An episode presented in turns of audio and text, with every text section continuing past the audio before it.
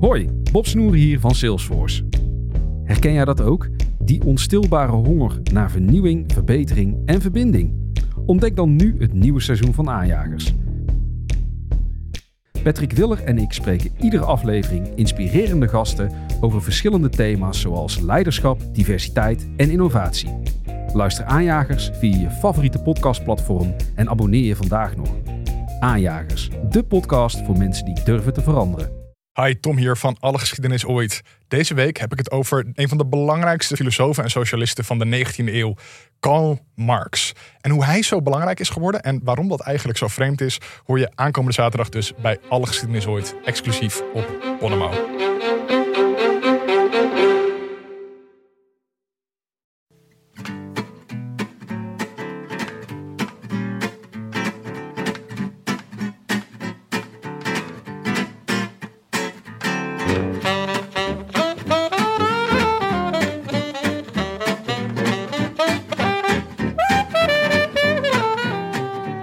Zaterdag en live vanuit de Dag en Nacht Studio's in Amsterdam West is dit de Rode Lantaarn.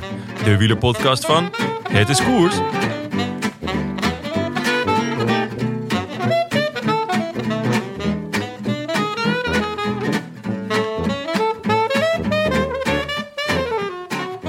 Een leeuwenkoers. Beter dan Michel konden we Gent-Wevelgem van 2015 niet omschrijven. Het waaide en het waaide hard. Steegmans en Thomas vlogen de berm in. Jack Bauer gooide zijn fiets uit armoede in de plomp. Zelden hoorden we Michel en José zo vaak roepen om Renaat. Hun man op de motor. Tevens groot hertog van de moeren tot de konijnenpijp. We missen hem deze dagen, dat mag u gerust van ons weten. Hemel zij dank dat de man gewoon een telefoon blijkt te hebben... en dat er een kabeltje ligt tussen de dag- en nachtstudio en het huis van Renaat. Want al is het nog altijd geen koers, praten over wielrennen kunnen we natuurlijk wel. Bijvoorbeeld dus over die Gent-Wevelgem van 2015... waarin vriend van de show Jurgen Roelands een schitterend solonummer opvoerde... Geraint Thomas zijn waanzinnige talent etaleerde... en de snifsnaf uiteindelijk met de bloemen ging lopen. Vandaag blikken we terug op Gent-Wevelgem 2015. Met voor het laatst op het podium Luca Paulini. Hij is nu in het zicht van de vaste camera.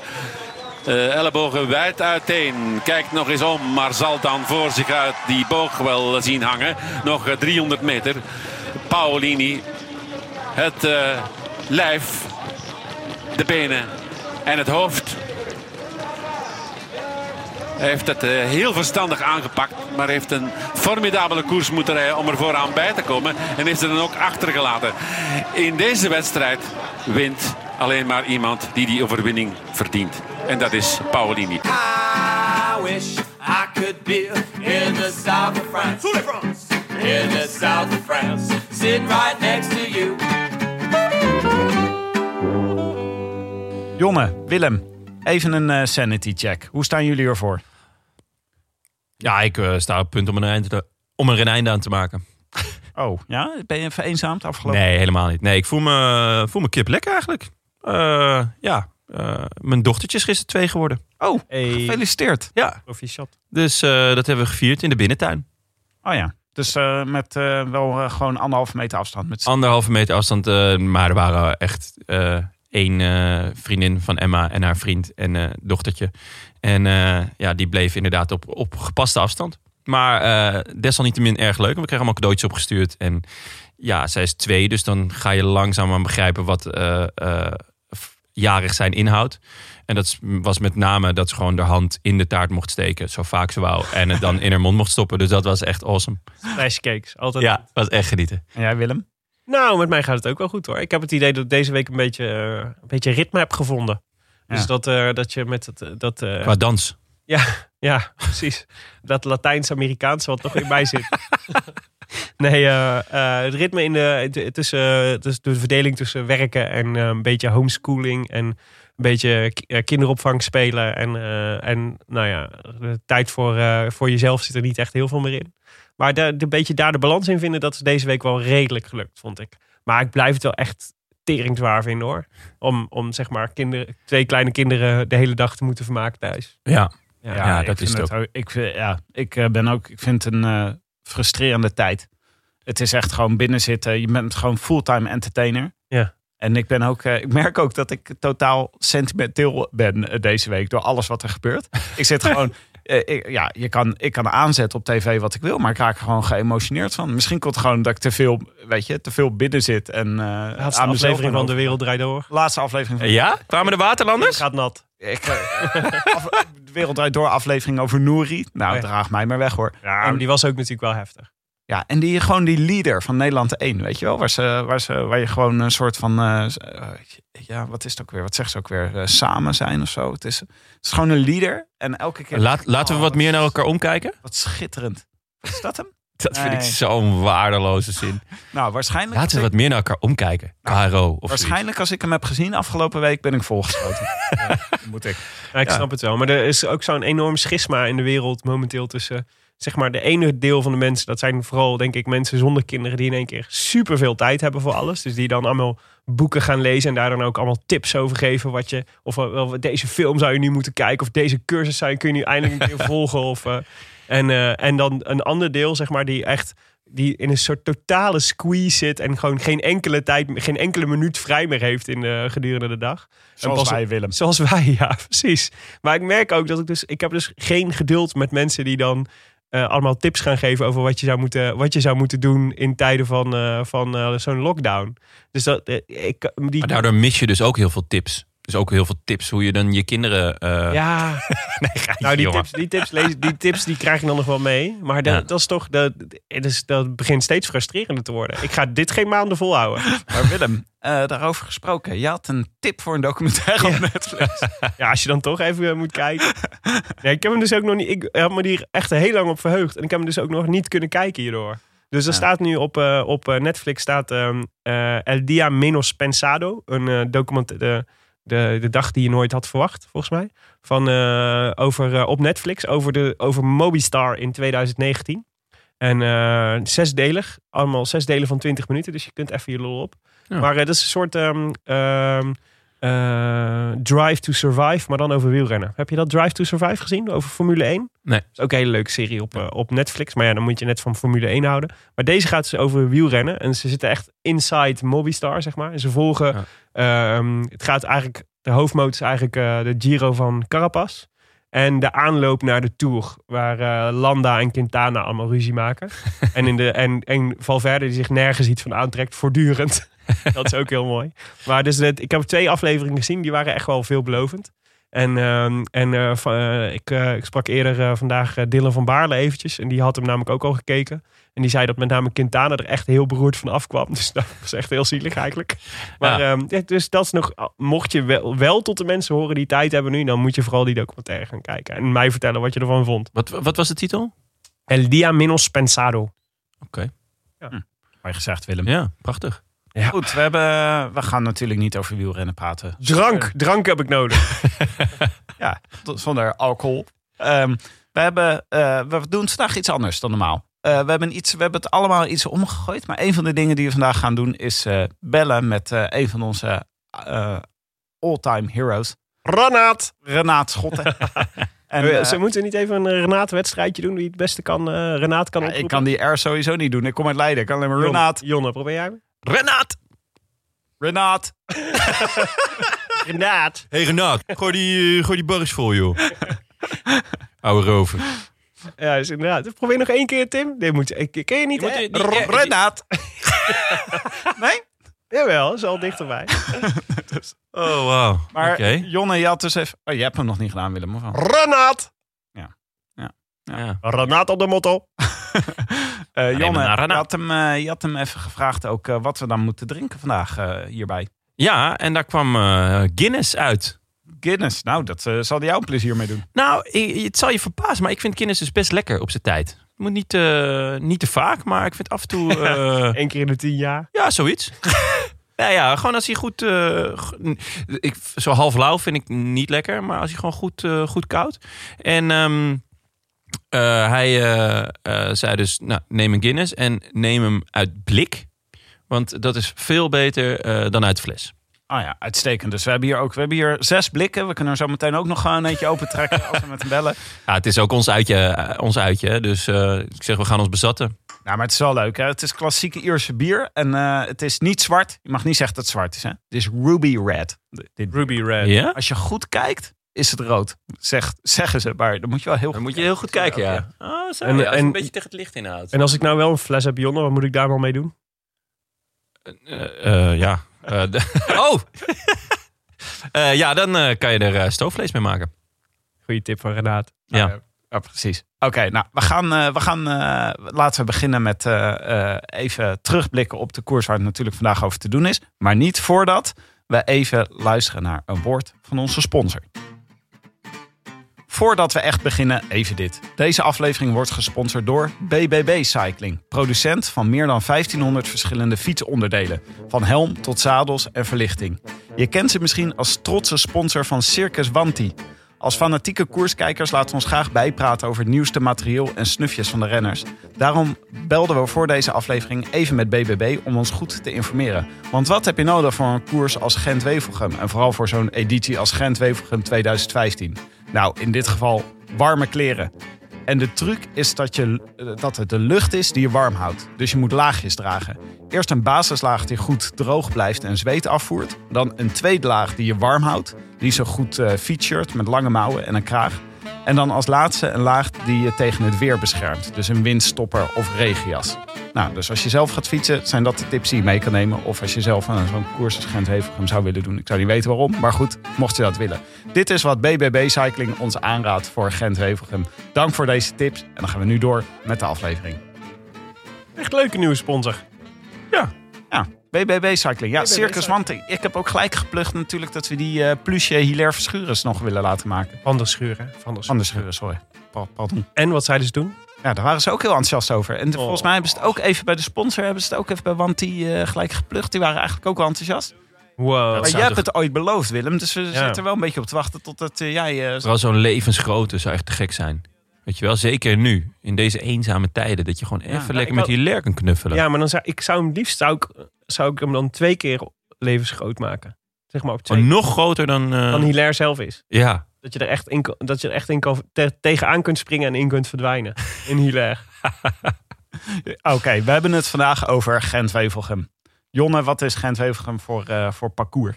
ja eh, 254 kilometer. Door weer en wind. Een mix van kasseien, grindstroken, maar vooral wind. Heel veel wind. Eh, de klimmetjes en kasseien zijn over het algemeen eh, dan ook niet waar de koers beslist wordt. Die eh, de laatste 30, 40 kilometer is eh, nagenoeg vlak. Ehm, het is eigenlijk altijd een kwestie van in de juiste waaier zitten. Eh, met name in de moeren waait het gewoon voornamelijk. Als het niet waait, ja, dan is het toch eh, wel vaak een sprintersbal. Maar als het wel waait, wel waait, is het goed positioneren, knap waaien rijden en, en nog een goede sprint in de benen hebben. En dan maak je een, een goede kans om, om Gent-Wevelgem te winnen.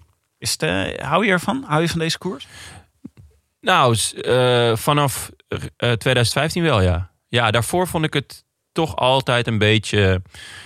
ehm, ja, een veredelde scheldeprijs is misschien, misschien eh, wat, wat hard gezegd. Maar ja, het waren toch vaak de sprinters die, eh, die het hier uit gingen maken. En ik ben wel een, een kasseien eh, man. Ik, ik vind het echt heerlijk met die, eh, ja, gewoon de kleine, korte, venijnige beklimmingen met die kasseien. Die, die daadwerkelijk de koers bepalen. En dat is bij Gent-Wevelgem niet het geval. Hoewel ze nu, inmiddels hebben ze ook nog eh, de plug streets eh, geïmplementeerd. Wat wel eh, een extra jeu geeft. Ja, dus dat zijn eh, gravelpaadjes. Ja. Ja, dus eigenlijk vanaf 2015 ben ik wel, eh, ja, ben ik wel fan geworden. We hebben het natuurlijk over de editie van 2015 dit jaar. En ik heb er natuurlijk net vorige week even een snel quizje bij gemaakt. Oh? Ja, gewoon heel even om heel even het gevoel bij te krijgen. Wie won eh, Gent-Wevelgem vorig jaar, 2019? Eh, vorig jaar? Dat, Christophe? Christophe. ja, klopt ja. En wie was de laatste Nederlander die Gent-Wevelgem won? Zo, de knetter. Steven Ja, de Jong? Ver terug in de tijd. Oh. Nee, helaas. Nee, ik, eh, ik Geen kende idee. deze. Ik ken Gerrit Solleveld in 1989. Ken je die? Wow, echt Gerry? Zo lang. Nee, geen idee. Ja, van naam, maar niet, Nee, eh, nee, nee, nee. niet, niet geen actieve herinneringen aan in ieder geval. Ja, we hebben nu over 2015. En eh, net als 2011 was voor Nederland een vrij matig sportjaar. Eh, met voetbal eh, ging, het, eh, ging het mis. Toen plaatsten we ons niet eens voor het EK.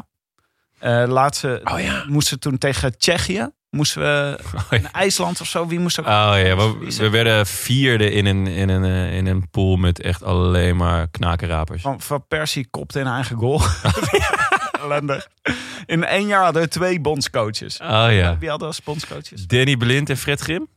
Of nee, Guus Hiddink en Danny, Guus Hiddink en Danny Fred Blind? Grim was bondscoach. Fred is, eh, Fred Grim is één, één wedstrijd bondscoach geweest. Ja, toen, eh, Oh, dan toen, hadden we er drie misschien. toen Danny is opgestapt. Eh, of toen Guus is opgestapt of was- Danny is opgestapt. Ik heb voor mijn gevoel is dit nog veel recenter. Maar dat is dus kennelijk niet zo. Nee, dit was... Time flies when you're having Ja, fun. 2015 is ook weer niet zo gek lang geleden. Guus Hiddink Nee. kwam toen dus aan als bondscoach. Ja, en, en die werd vervangen toen door, door Danny Blind, toch? Nou, andersom. Huh? Toch? Nee, Danny Blind ging toch bij hem in... ehm, Sorry, ik heb deze... Ik ben... eh, Goeie quiz, Tim. goeie, slechte quizvraag. Ik zoek nog even uit. Goed. Bob. Eh, eh, in de Vuelta deden we het beter in 2015. We hadden drie Nederlandse etappenwinnaars. Maar deze uh, Vuelta eh, Ja. herinneren we ons vooral door... de ontbolstering van eh, Dumoulin als, eh als ronderenner. Ja. Ja. Oh, wat heb ik daarvan gebaald. Dat hij verloor. Jezus, ja. Oh, ik dacht echt dat hij hem ging winnen. Was dit toen Astana hem eh, sloopte? Ja. Ja. Ja, ja onder aanvoering van eh Aru. Ja, vanuit Astana standpunt ook heel begrijpelijk. Ja, Heel begrijpelijk. Niks ten nadele van Astana. Nee, niks na van Oh, Astana, maar dat weet Astana toch ook? Ja. Eh, Maar dit was eh, een van de etappenwinners. was dus Dumoulin. Die reed Froome eraf op de Cumbre del Sol. oh, dat was een etappe, hè? Ja, Dat hij toen nog, nog zo terugkwam en dat je dacht dat hij al verslagen was en toen nog Ja. één keer alles eruit pesten. Ja, maar maar het wie toen won er toen nog meer etappes? Welke Nederlanders? Geesink? Nee. Was dat eh, Lindeman? Ja, Lindeman. BJ? BJ Lindeman? Ja, die won eh, die, die kan me nog wel heugen. Wie nog meer dan? Van Eh, Lindeman, die, die- die- echt? Ja, ja, ja. ja, ja. Ik dacht dat het veel langer geleden was. Ehm, um, um, um, um. Een- Nog een et- Nederlandse etappenwinnaar in de Vuelta van 2015. Zo. Dus hadden we ook niet echt sprinters nog. Nee. Nou, nou. Sorry, even Mark Marie uitbrengen. nou, nou Willem. Eh, in de, hè? Danny van... Danny van Poppel, ja, ja. Oh, echt? ja, sorry. tuurlijk. Sorry. Oh, Ja. ik ging het net te vroeg zeggen. Ah, ja, ja, ja. Nee, als een echte Danny van Poppel. Ja. Gewoon net iets vroeg gezegd. ja, ja. Precies. Oh, wauw. Oké, maar dit was dus 2015. En, Ja, eh, wat een jaar. en wij gaan het hebben over Gent. Mag, mag ik dan ook nog even een eh Ja, leuk. quizvraagje? Ja. Oké. De, de, de 2015, wie wonnen de monumenten? Laten we Milaan Sanremo beginnen. Milaan San Remo? Milaan Sanremo 2015. Daniel Os was heel goed. Maar hij won niet. Ehm, ehm, ehm, ehm, ehm. Naast Rema, dit hebben we, dit hebben we vorige week nog besproken. Eh, was Ik het gok- Cavendish? Ik ga voor Dekenkop. Het is Degenkop. Oh. Ja. Wie won de Ronde van Vlaanderen dat jaar? Jonne? Christophe. Ja, voor eh Niki Ja. Terpstra. Oh ja. Ja. Wie won Parijs-Roubaix in 2015? Weet je die ook, jongen? Ja. Echt? Ja. Schrik je uit je mouw. Ah, op zich. Ja, maar dat kwam ook... Dat, dat was namelijk zijn Parijs-Roubaix. superjaar. Was dit... Nee, maar dat was niet Ik Terpstra. moest, ik moest net even denken, maar volgens mij is het Dekenkop. Terpstra was ook 2000, was 2014. Degenkop. Volgens mij is het Dekenkop. Die won Milaan Sanremo en Parijs-Roubaix. Ja. Eh, in één jaar. Ja, en, en het jaar daarna verongelukte hij volgens mij. En is hij nooit meer zo goed geworden als hij Ja. was. Ja, Kreeg je een ongeluk. Ja, Ja, hij was bijna zijn vinger kwijt, jongens. Ja, maar dat is de, verongelukt betekent dat je dood bent. Ja, is dat zo? Is dat een heel gevoelig... eh, Oké, sorry. Ja.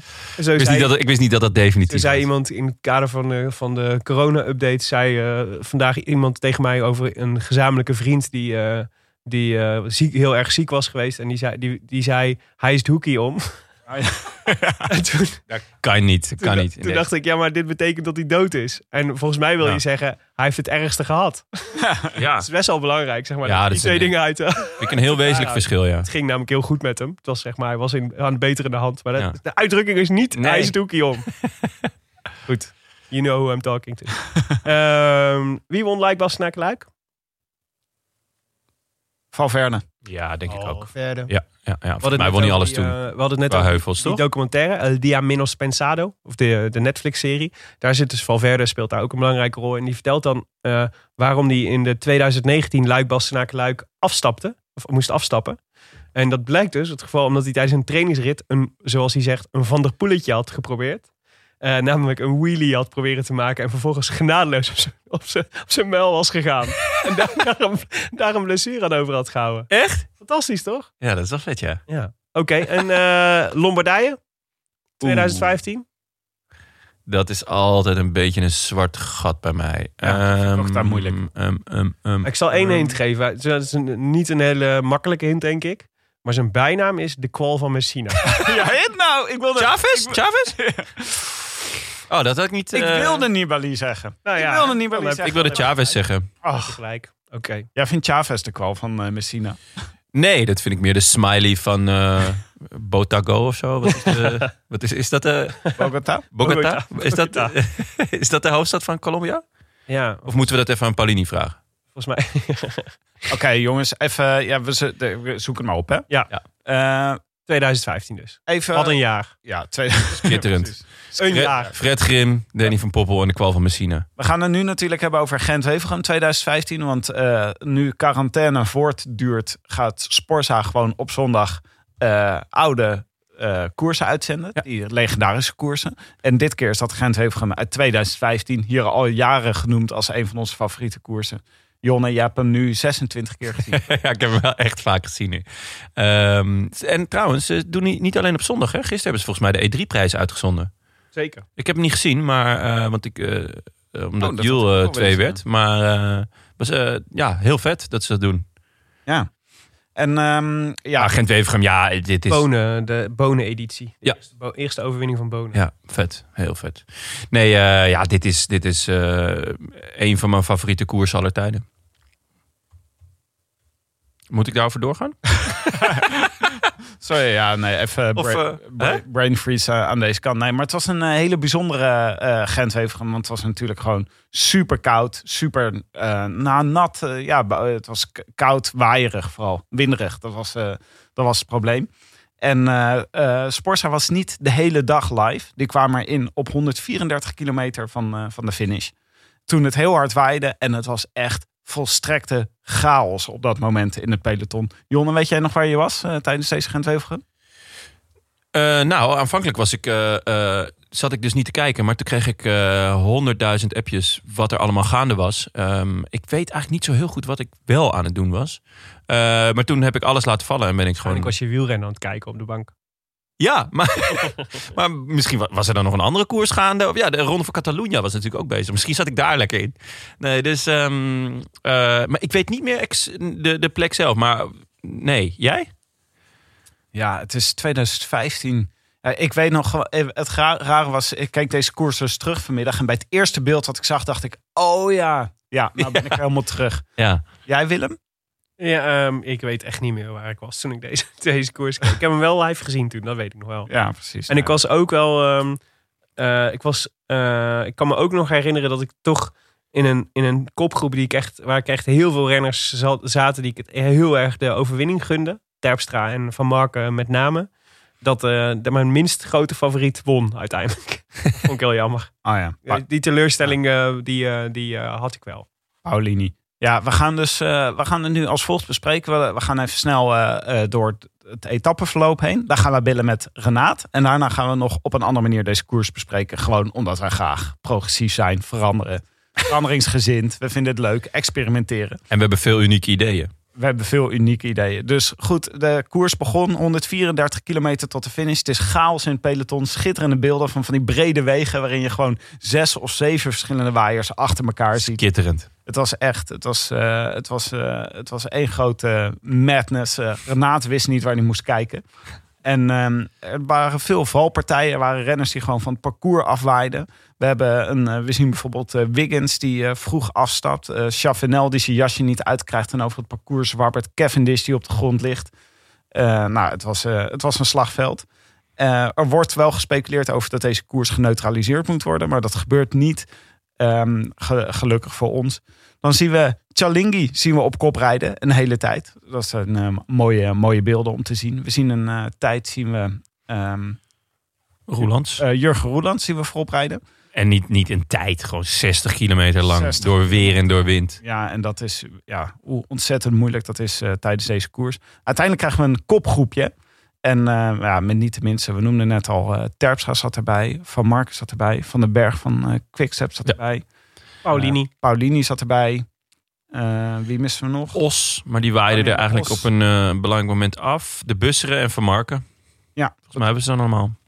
En, En eh, Thomas, Geraint Thomas. oh ja, Thomas. Laten we die vooral niet vergeten. Die schitterende eh koers reed. Die echt ontzettend goed was. Ik denk ook nog eh, net iets meer sp- spierbundels had dan, dan hij nu heeft Ja. als, als rondrenner.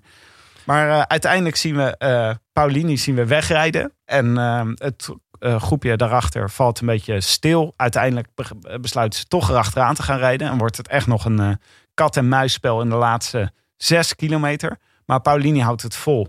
En uh, finisht eh, en pakt de schitterende overwinning met vlak daarachter Terpstra en Thomas.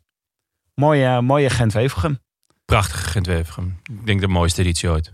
Maar om het nog even echt terug te roepen, moeten we natuurlijk in de koers gaan, hè Jonne? Graag. Dus eh, wij, eh, wij hebben afgelopen week Renaat Schotten benaderd. Je hebt gewoon met hem gewhatsappt. Jullie, Ja, Zijn jullie nu vrienden? Ga je, hem- ga je hem vaker whatsappen? ik hoop het.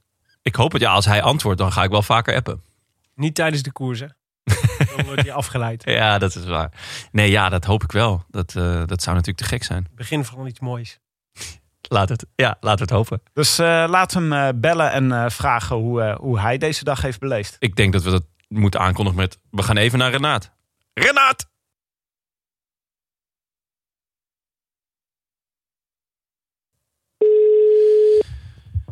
Oké, eh, ik neem in principe de lead, maar jullie kunnen gewoon eh, ook... eh, Hallo. Hi, Renaat, met Jonne spreek je. Hel. Hi, hoe is het? Perfect, perfect. Hoe, eh, hoe kom jij deze koersloze tijd door? Door veel thuis te zitten, zoals zoveel andere mensen, denk ik, in Europa. Ehm, ehm, door, eh, door een beetje huisman te spelen eigenlijk. En te doen wat, eh, wat mijn vrouw altijd voor mij heeft gedaan. Zoals? Koken. Eh, op de kleine letten. ehm, thuisonderwijs opvolgen, dat soort dingen. eh, en af en toe heel hard de koers missen. Ja, dat, is- zo vul ik mijn dagen. Ik heb ook nog andere dingen te doen natuurlijk. Ik ben bezig met een Engelse vertaling van mijn uh, pas verschenen boek. Ehm, ik heb af en toe nog... ehm, ik, ga ook, ik geef ook les, wat weinig mensen weten, aan beginnende sportjournalisten. Dat ga ik ook doen via telewerken. Dus, dus eh, mijn dagen zijn meer dan gevuld. Oké, mooi. Klinkt goed. Ehm, Welke koers mis je het meest nu, Renaat? Oh, allemaal. Gewoon de hele sfeer van het Vlaamse voorjaar. Ik vind eh, het is zo onwezenlijk. Hè? Ik bedoel, ehm, als de dag van Gent-Wevelgem is, dan, dan, dan mis je dat gewoon. Dan denk je, ik was vandaag naar, naar in dit geval, eh, dit jaar zo'n startplaats eh, in primeur geweest en Yper geweest. maar goed, het is niet anders. Ik mis elke koers ongelooflijk. Ik mis de hele koerswereld eigenlijk. En dat is, is waar ik met de neus op de feiten word gedrukt. Het is toch een het is een aparte wereld waarin ik mijn, mijn brood kan verdienen. En ik denk dat ik helemaal niet mag klagen. Want ja, kijk, ik heb het al zo lang kunnen doen. Ehm, ik denk dat eh, veel mensen in, in ja, heel andere situaties zitten. En, en eh, dat ik eigenlijk eh, van geluk mag spreken, eens te meest. Ja. ja, het is duidelijk je hart bloedt. eh, evenals die van ons. Gelukkig verlicht Sportza enigszins de pijn door elke week ja, een aantal koersen, klassieke koersen uit te zenden. Eh, morgen is dat eh, Gent-Wevergem 2015. Eh, ik las laatst dat jij die koers ontzettend intens hebt beleefd en nog ook echt als historisch beschouwd. Even terug naar die zondagmiddag. Hoe, hoe heb jij die dag beleefd? Het begon eigenlijk al met de, met de weersvoorspelling die dag, hè, die toch over behoorlijk veel wind sprak. En toen al wisten we bij de start, ja, dit wordt een waaierkoers zonder voorgaande. Maar dat het zo erg zou worden, dat het ook een, een, een stormkoers zou worden, ja, dat had eigenlijk niemand vooraf uh, ingeschat op die manier. En, en zo begon de, dan, de dag dan met die start vanuit Deinzen. En het werd eigenlijk onmiddellijk in, in waaiers getrokken. En het, het, is, het is nooit gestopt. Je kreeg eigenlijk een, bijna een finale van, van 250 kilometer. Had het gevoel dat de streep elk moment om de hoek lag. Maar dat was natuurlijk niet zo. En uh, we waren begonnen aan iets, een, een soort wedstrijd waarvan we echt niet wisten waar het zou eindigen. Ja. Ja, Michel en José hebben het een aantal keer over eh, of het misschien geneutraliseerd moest worden. Had jij dat gevoel ook op de motor? Ik denk iets minder, omdat ja, je, voelt die wind. Je, mm, je voelt dat je overeind kan blijven. Maar ik heb natuurlijk ook de valpartijen gezien. Ik heb ook renners zien weggeblazen worden van een fiets. Zoals Gert Steegmans, die letterlijk eh, in de grachten van de moeren waaide. Dat was nog voor de, de rechtstreekse uitzending. Uh, op zo'n momenten denk je wel, wat gebeurt hier toch allemaal? Um, nu, om een koers te, neutraliseren, daar is meestal wel wat meer voor nodig dan wat wind.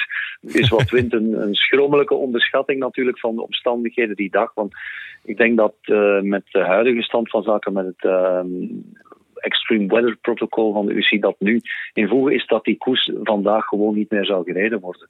Ergens is dat jammer, kan je zeggen, maar anderzijds, ja, het was op het randje en bij momenten was het erover. Ja, dat is waar. Had je het wel eens eerder zo bond meegemaakt, een koers? Met die wind, nee. Ik had, al, ik had ook al een Gent-Wevelgem meegemaakt twee jaar eerder, 2013. Een, soort extreme kou Gent-Wevelgem, die toen met een andere startplaats uitpakte door de omstandigheden bij, bij echt vriestemperaturen. Zijn toen in auto's en, en bussen tot aan Gistel gebracht, ergens in West-Vlaanderen, om dan van daaruit te starten. Dat was, uh, dat was ook al iets, maar, maar zo'n koers met, met zoveel wind als die dag heb ik nooit meegemaakt in, in de 15 jaar dat ik op de motor zit. En ik vrees een beetje dat ik dat ook nooit meer zal meemaken. Je had het net uh, over Steegmans, die, uh, die dus uh, inderdaad de gracht inwaaide. dat was niet, niet op beeld. zijn er nog meer ja, dingen uit beeld geweest die wij dus niet hebben gezien, omdat de uitzending nog niet begonnen was, die jij wel hebt gezien? Ik denk dat te veel om op te noemen eigenlijk. Hè.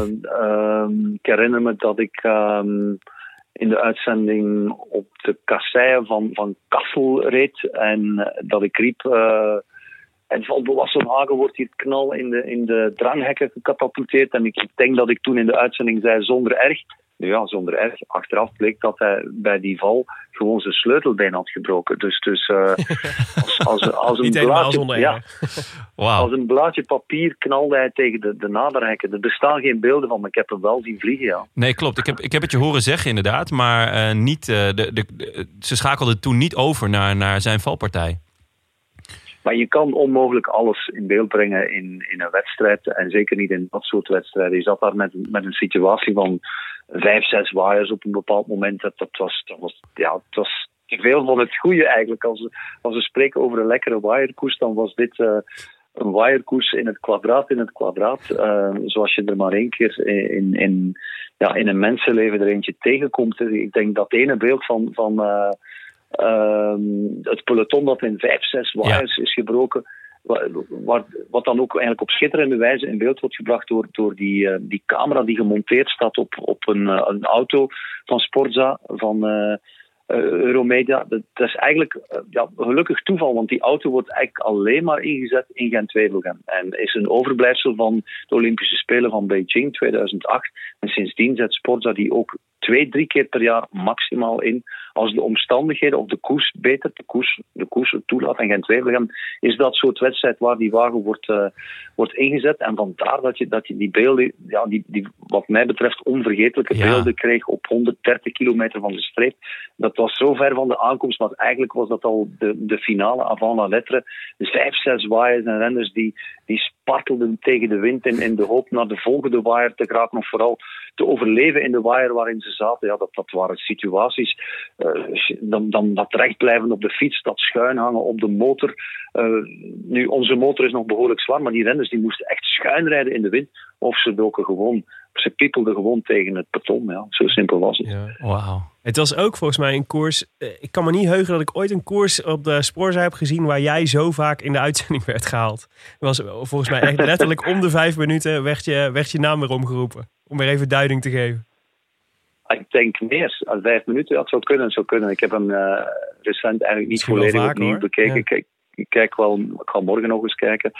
Um, ja, ja, er was gewoon zoveel te melden. Het is, het is vrij simpel. Als ik op die motor zit, dan, dan vraag ik antenne als ik denk dat er iets te melden valt. En dat was die dag nu eenmaal meer dan gebruikelijk het geval, ja. ja. Wanneer uh, kwam bij jou het besef, want je zegt dit is de koers die je één keer in je leven meemaakt. Wanneer kwam, kwam dat besef bij jou? Was dat al tijdens de koers? Van wat, maken we hier mee? Ah, dat is moeilijk om te zeggen, want als je, als je in, in zo'n wedstrijd zit en je, je bent bezig met verslaggeving, ook voor de rechtstreekse uitzending zit je in zodanig een tunnel, een zone eigenlijk, dat je alleen maar bezig bent met die, die naakte wedstrijdfeiten. En het is pas achteraf dat je dan eigenlijk beseft van, hé, hey, dit was nu echt wel een buitengewone wedstrijd. Een wedstrijd zoals ik er vermoedelijk maar eentje in mijn leven ga meemaken van op de motor. Dat, dat komt pas later. Je, zit, je weet wel dat je, dat je iets uitzonderlijks aan het meemaken bent. Maar dat echte besef dat komt pas achteraf. Want tijdens die wedstrijd zit je gewoon in die zone waarin je probeert zo goed mogelijk verslag uit te brengen van de feiten. En de feiten waren, zoals ik net al zei, ontelbaar die dag. En uh, geldt dat ook voor angst? Kan me voorstellen dat je achteraf terugkijkt en poeh, denkt, oef, het was eigenlijk best wel risicovol, ook voor jezelf. Nee, eigenlijk niet. Um, ik heb een grenzeloos vertrouwen in de montage waarmee ik werk. En dat was die Gent-Wevelgem niet anders. Ik heb wel eens een, een bang momentje gehad, ook in een Gent-Wevelgem, want het was een andere editie waarin, waarin er van, van slecht weer eigenlijk helemaal geen sprake was. Het was in de afdaling van de, van de Monteberg richting voet van de Kemmelberg. En daar zat, daar zat een, een, bocht in waar je eigenlijk, je begon eraan, maar je wist niet waar je uitkwam. En we gaan die bocht in aan een behoorlijk hoge snelheid. En in het midden van de weg ligt er een, een, een streepje modder. En mijn motor, ja, die, die, uh, ja, die kan geen kant op en moet over dat streepje modder. En op het moment ja. dat hij dat streepje modder toucheert, begint onze motor te zwalpen uh, van links naar rechts. En nu, mijn motor toen Marnik van Zevenand, dat is een boom van een vent, een meter of twee denk ik bijna lang. Die heeft de stelte onder, onder zijn lijf staan. Die is er toen op een of andere miraculeuze wijze ingeslaagd om gewoon die motor recht te houden. En wow. het straffe was, het was, het was uh, de eerste lus van twee lussen met die Montenberg in het parcours. De volgende lus hebben we gewoon op dezelfde plek gepasseerd, maar toen was de schrik alweer voorbij. Zo eenvoudig is dat. Je komt in een risicovolle situatie. Je denkt van, oké, okay, daar gaan we. Nu worden we de berm Maar met zijn lange stelte heeft hij toen ervoor gezorgd dat we recht gebleven zijn. En ik zit hier aan een bureau thuis. Ik ga hout vasthouden. Misschien hoor je het. Ja, ja, ja. Ik hoop dat het nooit gebeurt Ja, dat ik ja. van de motor val. Dus uh, het is tot nu toe nog niet gebeurd. En ik ga dat proberen zo te houden samen met mijn montage. Renaat, kun je eens vertellen hoe je je werk eigenlijk doet eh, tijdens zo'n koers? Bepaal jij naar welke groep je toe rijdt? Of uh, hoe, hoe werkt dat? Of doe je dat dan in overleg met de studio? Of hoe, hoe gaat dat precies? De studio kan eigenlijk op. Nee, komt eigenlijk nooit tussen. Um, die hebben andere zorgen aan hun hoofd. Um, ik, ik, maak keuzes, meestal in samenspraak een beetje met de montaar, ook uh, hoe het parcours in elkaar zit, hoe de wedstrijd in elkaar zit. En dan soms moeten we ook een strijdplan maken, zoals in een Parijs-Roubaix, waar, waar we op heel veel zones eigenlijk beperkt zijn in onze actieradius of, of in uh, een bepaalde manier van werken. Bijvoorbeeld uh, het Bos van Wallès, daar zijn we verplicht om, om voet aan de grond te werken. Daar mogen we eigenlijk niet um, in het zog van de renners over de kasseien knallen. Dus dan, dan ga ik ergens halfweg het bos staan en probeer ik een interventie te doen, zo ergens halverwege die, die uh, fameuze kasseistrook.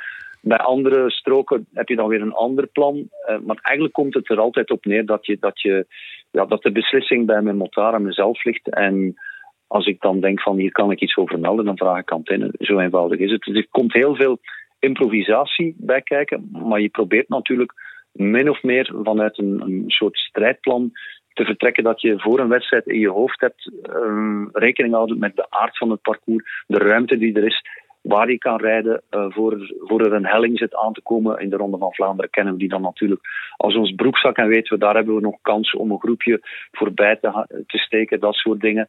Daar kunnen we dat niet meer doen. Als we op dat punt niet voorbij die groep zitten, dan komen we te laat op de top van die helling. Ja, er zijn heel veel factoren tegelijk waar, waarmee je rekening moet proberen te houden. En het is altijd, ja, sommige dingen lukken, andere dingen lukken niet. Het blijft altijd een, elke koers opnieuw is een verhaal van, van trial and error. Het is niet anders. En um, hoe heb jij dan die, uiteindelijk die, die, die Gent-Wevergem, hoe heb jij hem overleefd? Ben je dan helemaal gesloopt uh, na zo'n koers? Of, of valt dat uiteindelijk wel mee? Meestal ben ik inderdaad gesloopt na, na een klassieker van 250, 260 kilometer. Dus, dus, en dan spreek ik over genre Parijs-Roubaix, Ronde van Vlaanderen, die Gent-Wevelgem. Ik kan het me niet meer precies herinneren. Ik was ook al een dagje oud, het is vijf jaar geleden. uh, maar ik, ik, denk dat ik toen hetzelfde gevoel zal gehad hebben als bij de, de doorsnee Ronde van Vlaanderen. Dan, dan, uh, Ehm, als ik van zo'n dagje motor stap, dan, dan, eh, piepen mijn oren door de verschillende geluidsbronnen die er, erin gepompt zijn. Dan, ja, dan ben ik leeg, ook fysiek, door de focus, door, door de intensiteit waarmee je die wedstrijd beleefd hebt. Want het is toch telkens wel iets, zelfs, zelfs een wedstrijd waarin, of een klassieker die een, een vrij voorspelbaar verloop kent. Je blijft met, met de, 260 kilometer op zo'n motor zitten, is sowieso fysiek slopend. Ook al zit ik daar eigenlijk niks op te doen tussen aanhalingstekens. Ik, ik bestuur die motor niet, ik ben passagier. Maar door de focus uh, en door, door de, de intensiteit en de, de, ja, eigenlijk alle concentratie die je in de, de verslaggeving stopt van zo'n wedstrijd, ben je wel uitgewoond na afloop uh, van zo'n motordag. Ja, dat wel. Ja, ik kan me voorstellen. En um, wat is van, van deze koers, dus van Gent-Wevergem uh, 2015, wat is het moment dat jou het meest is bijgebleven? Van de editie 2015 bedoel je? Ja. Oh, de, ik, ik weet nog dat ik op de motor zat en toen um, Jurgen Roelands solo ging, toen, ja, ik, ik was eigenlijk op dat moment uh, puur supporter van Jurgen Roelands. en ik hoopte tegen het betere weten in dat hij het zou volhouden. Uh, ja, hij is er niet in geslaagd. Ik zie nog altijd dat beeld uh, waarin hij als enige solo onder de menenpoort in Yper reed de menenpoort die, die heel veel symboliek herbergt. Wereldoorlog 1. Uh, op dit moment staat daar elke avond één eenzame klaroenblazer de last post te blazen in coronatijden. Ja, dat, dat beeld van, van Roelands, dat doet mij denken aan... Ik kan er niet aan doen. Ik, ik woon ook niet zo ver van de streek van, van Wereldoorlog 1. Het is een soldaat die terugkeert van het front. Hij is gelukkig niet gesneuveld op dat front. Jurgen Roelands Ja. heeft de koers niet gewonnen. Dat is jammer. Maar hij had hem van mij eh, gerust mogen winnen. Ja, Ja, ja, van ons ook. Dat was echt schitterend wat hij deed. Dat was echt heel mooi. Eh, kunnen we dit ook allemaal lezen in je boek? Komt, Ehm, komt Gent-Wevergem de aan, aan bod? Ik, ik zit het me nu af te vragen. Ehm, ik denk dat ik er zijdelings naar refereer, maar ik denk dat ik het, ehm, het grote Gent-Wevelgem niet in mijn boek heb opgenomen, denk ik. Dus, Nee? dus eh, dat, zal, dat zal ik al voor een volgend boek houden. Ja, ik, bedoel, ik moest ook keuzes maken en ehm, ik denk dat dat verhaal van Gent-Wevelgem intussen ook al vrij bekend is. En, Ja, dat is waar. ik heb er eigenlijk vooral voor gekozen om, om in het boek eh, zaken te vertellen die, die nog nergens aan bod waren gekomen. Ehm, ik heb bijvoorbeeld het verhaal van gent heb ik al eens in een column gepleegd en pro-cycling. En ik val niet graag in herhaling. En als je dan eh, een boek schrijft, dan vind ik dat je met zoveel mogelijk verse verhalen moet aankomen. En dus, dus heb ik daarvoor geopteerd in, in plaats van de een beetje platgetreden paden te bewandelen. Niet dat er niet veel te schrijven valt over zo'n Gent-Wevelgem natuurlijk. Hè, maar ik, ik heb bijvoorbeeld de achterkant van, van het drama met Wouter Weiland uitvoerig beschreven. Hoe ik dat eh, beleefd heb. en hoe dat mij ook getekend heeft in mijn verslaggeving. eh, achteraf, ik, ik zet... ehm, ook eigenlijk in, tot in de puntjes uit de doeken hoe ik eh, commentaar voorbereidde voor de Giro destijds. Mijn, mijn liefde voor de Ronde van Italië komt ook heel erg naar voren eh, in het boek De Ronde van Italië. Het Ja. land dat nu zo getroffen wordt, waarvan ja, als ik die beelden en die verhalen lees uit, uit eh, Lombardije, dan, dan, ja, dan wordt het mij te veel. Ja. Ja. Dus eh, we hebben het over het boek Wielerman in de kop van de koers. Eh, niet waar, Renaat? Ja, dat klopt. Het is ook, eh, ik, ik geloof niet dat het fysiek in de winkel ligt in Nederland, maar je kan het makkelijk eh, online eh, bestellen en dan ligt het zo in je, in je brievenbus. En ik heb er een jaar aan gewerkt en ik, ik ben er uiteindelijk redelijk tevreden over. En ben ook heel vereerd dat het, voorwoord is gepleegd door eh, niemand minder dan, dan Mark Uitroeven, eh, legendarische tv-persoonlijkheid Ja, de, com- de commentator die, eh, die mij geïnspireerd heeft eh, in een ver verleden en met wie ik het geluk had, heb gehad ook om een aantal keer van heel nabij samen te werken. We hebben samen de Giro verslaan in 2006. Ehm, ik heb veel te danken aan Mark destijds in 97 mijn debuut gemaakt als commentator in de Ronde van Italië. Toen Mark de pech had om naar huis te moeten met, met een, eh, een eh, rughernia. En zo ben ik eigenlijk erin gedropt in het vak van commentator. Ja. En, en ja, dat, dat heeft mijn band met Italië alleen maar versterkt ook. Ja. schitterende commentator inderdaad. Echt eh, fantastisch. Eh, tot slot, mijn, mijn vraag, die, die sluit hier denk ik wel mooi bij aan.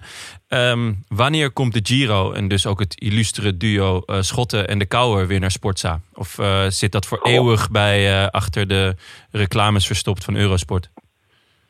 Maar voor EU, dat denk ik niet. Dat zal afhangen van ehm, het volgende grote rechtencontract dat afgesloten wordt door, door RCS, de um, overkoepelende organisatie van Giro, Tirreno en, en Lombardije. Nu, in het huidige contract is het zo dat, dat um, de Giro en Milan Sanremo en Lombardije dat die exclusief zijn toegewezen aan Discovery Channel Group, zijn de Eurosport. En dat betekent dat, dat uh, Sporza achter het net vist om een uh, sublicentie te kopen. We kunnen dat bijvoorbeeld wel voor Strade Bianche, dat lijkt vreemd. Maar dat heeft alles te maken met een clausule in het contract die dan die exclusiviteit bepaalt voor België en Nederland. En omdat Sporza te zien is in uh, Nederland ook, kunnen we niet aan de Giro. Dus mijn hoop is dat, um, ik denk, maak me geen illusies, ik denk dat het volgende grote rechtencontract weer voor de Discovery Groep zijn, de Eurosport echt? zal zijn. Maar ik hoop gewoon dat de clausule van de exclusiviteit van de sublicentie, dat die open blijft en dat Sporza, wanneer uh, wij mogen, dat wij daar nog een sublicentie voor kunnen kopen, zoals we nu kunnen met Strade Bianche. Dat, daar hoop ik op, ja. Ja, laten we het, laten we het van, uh, van ganse harte hopen. Want uh, de, de, Giro bij Sportza, dat is toch wel echt elk jaar weer een hoogtepunt. God, Renaat, ik mis je als ik je zo hoor. ja.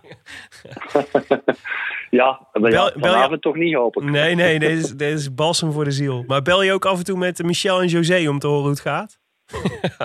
of, of bellen ze jou? Over de koers nu. Nee, gewoon overal. Ik kan me voorstellen dat, het, dat je het geluid van eh, Renaat ook wel even mist af en toe. Oh, ja, dat valt wel mee hoor. Ik bedoel, eh, dat, dat hoor ik genoeg van mensen die die, die, die beltoon gedownload hebben. Heb je hem zelf Dus dat, niet? Dat is geen probleem. Ja, mooi. Wat uh, ont ontzettend leuk dat je, dat je even wou bellen met ons. Uh, ontzettende eer. En uh, we hopen je ook ooit uh, nog te gast te hebben in de show. Um, mogen je ontzettend bedanken. En, natuurlijk, natuurlijk. Met en, plezier. Met heel, veel plezier. Ja, leuk. En, en heel veel sterkte de komende tijd. Uh, ik, ho ik, hoop dat we je heel snel weer gewoon live horen, Renaat. Ja, dat hoop ik ook. Ja. Maar ja. goed, niemand weet het. En ik denk dat er maar één ding zeker is. En dat is dat er geen zekerheden zijn op dit ja. moment. Een uh, heel mooie afsluiter. Dankjewel. Merci hè. Alsjeblieft, prego. En we nemen nu uh, een Guinness op jou. Want uh, dat schijnt jouw favoriet te zijn, toch? Dat, is, dat ga ik ook doen. Hè. Hij staat hier naast me. Als je het blikje hoort opengaan. Ja. Ah, voilà. lekker. Hop, daar gaat hij van ons. Ah, lekker. Over het toetsenbord van Willem. Ja. en over de microfoon. Ja. Lekker, ja, uit blik, toch? Want, um... ja, ja, moet, moet uit blik, hè. Moet ja. uit blik, zeker. Want uit fles is het alleen goed om stoofvlees te maken. Ja, dan kan je hem als alternatief gebruiken voor Rodenbach. Uh, en dan is het inderdaad net goed genoeg voor stoofvlees. Tenzij er in, in honderden kilometers in de omtrek geen Guinness uit blik of van het vat te verkrijgen is, dan kan je eens eentje op fles proberen. Ja. Oké, okay, is goed. Dankjewel voor de tips en uh, ook voor de culinaire tips. Dankjewel, uh, Renaat. Alsjeblieft. Fijne avond. Dank u, jullie ook. Tabé. Nou, dat was leuk, Renaat. Zo. Wat een goede verhalen. Ja, heerlijk. Wat een feest. Jonne, je hebt echt al sinds je zes bent een foto, grote poster ja. van Renaat boven je bed hangen. Ja, ik moet zeggen, de, ja, toch een beetje starstruck. Ja, je moest ook ineens naar de wc voordat we het interview gingen doen. Ja. Ga je nog heel even naar de wc, zei je? Ja, toch even een zenuwenplasje gewoon. Ik ja. Het, hoor. Ik snap het hoor. Wat ja. is jullie hoogtepunt? Ik vond het heel mooi wat hij vertelde over die uh, auto met ja, de camera. dat vond ik ook echt ik, schitterend. Ik, dat was namelijk uh, vanmiddag zat ik ook dat, zat, zat ik uh, Gent-Wevelgem dus terug te kijken. En dat beeld bleef me ook echt bij. Dat shot is zo vet. Met die, ja. met die zes waaiers op rij. En, en al die jongens die er maar tussen zwemmen. En dat ze echt gewoon geen idee hebben nee, hoe ook, ze dit gaan overleven. En ook niet die, die waaiers gewoon niet opgezet krijgen. Omdat het zo hard waait dat ze bang zijn dat ze tegen elkaars wielen aanrijden. Ja, ja, ja het is gewoon niet mogelijk. Zo vet. We gaan, uh, we gaan nu de rest van de uitzending gaan we iets anders doen dan normaal. Want uh, het wielerseizoen ja, het vraagt toch om improviseren. En dat doen wij gewoon graag. Uh, en we hebben dus ook ons format hebben we daar iets op aangepast. We hebben besloten, we kregen een leuk mailtje van, van, van een luisteraar. Ja. Tim Simonsen heet hij. Uh, die zei van, uh, ja, als jullie die races gaan, uh, gaan nabespreken, die historische races, kunnen jullie dat dan niet hetzelfde doen als de podcast Rewatchables? En laat dat nou toevallig ook een van mijn favoriete podcasts zijn, jongens. Het zal best niet. Echt een hele goede, goede tip. We hadden het vorige week, probeerde het al een beetje. Maar wat Rewatchables altijd doet, is dus de podcast van Bill Simmons, bekende Amerikaanse sportjournalist van The Ringer. En eh, in die podcast bespreken ze films na van, eh, van een aantal jaar geleden. En dan kijken ze eigenlijk hoe die films de tand destijds doorstaan hebben. En daarvoor gebruiken ze een aantal categorieën om die eh, films te bespreken. En aangezien wij ook historische wielerkoersen bespreken, dachten wij, wij gaan ook gewoon een paar categorieën verzinnen. eh, waarmee we deze koers goed kunnen bespreken. Dus eh, we hebben het eigenlijk een beetje afgekeken van Bill Simmons en eh, de Rewatchables. En we moesten er ook nog eens op gewezen worden door Tim Simonsen. Maar goed, verder, verder hebben we het zelf verzonnen. Ik wou net zeggen. Dus eh, als we de komende tijd, ja, als we nog lang in coronacrisis eh, blijven zitten en er niet gekoerst wordt, gaan wij eh, gewoon historische wielerkoersen bespreken. En nu bij uh, Gent-Wevelgem 2015 gaan we voor het eerst proberen het op deze manier te doen. Dus daar komen de rubrieken, de lauweren.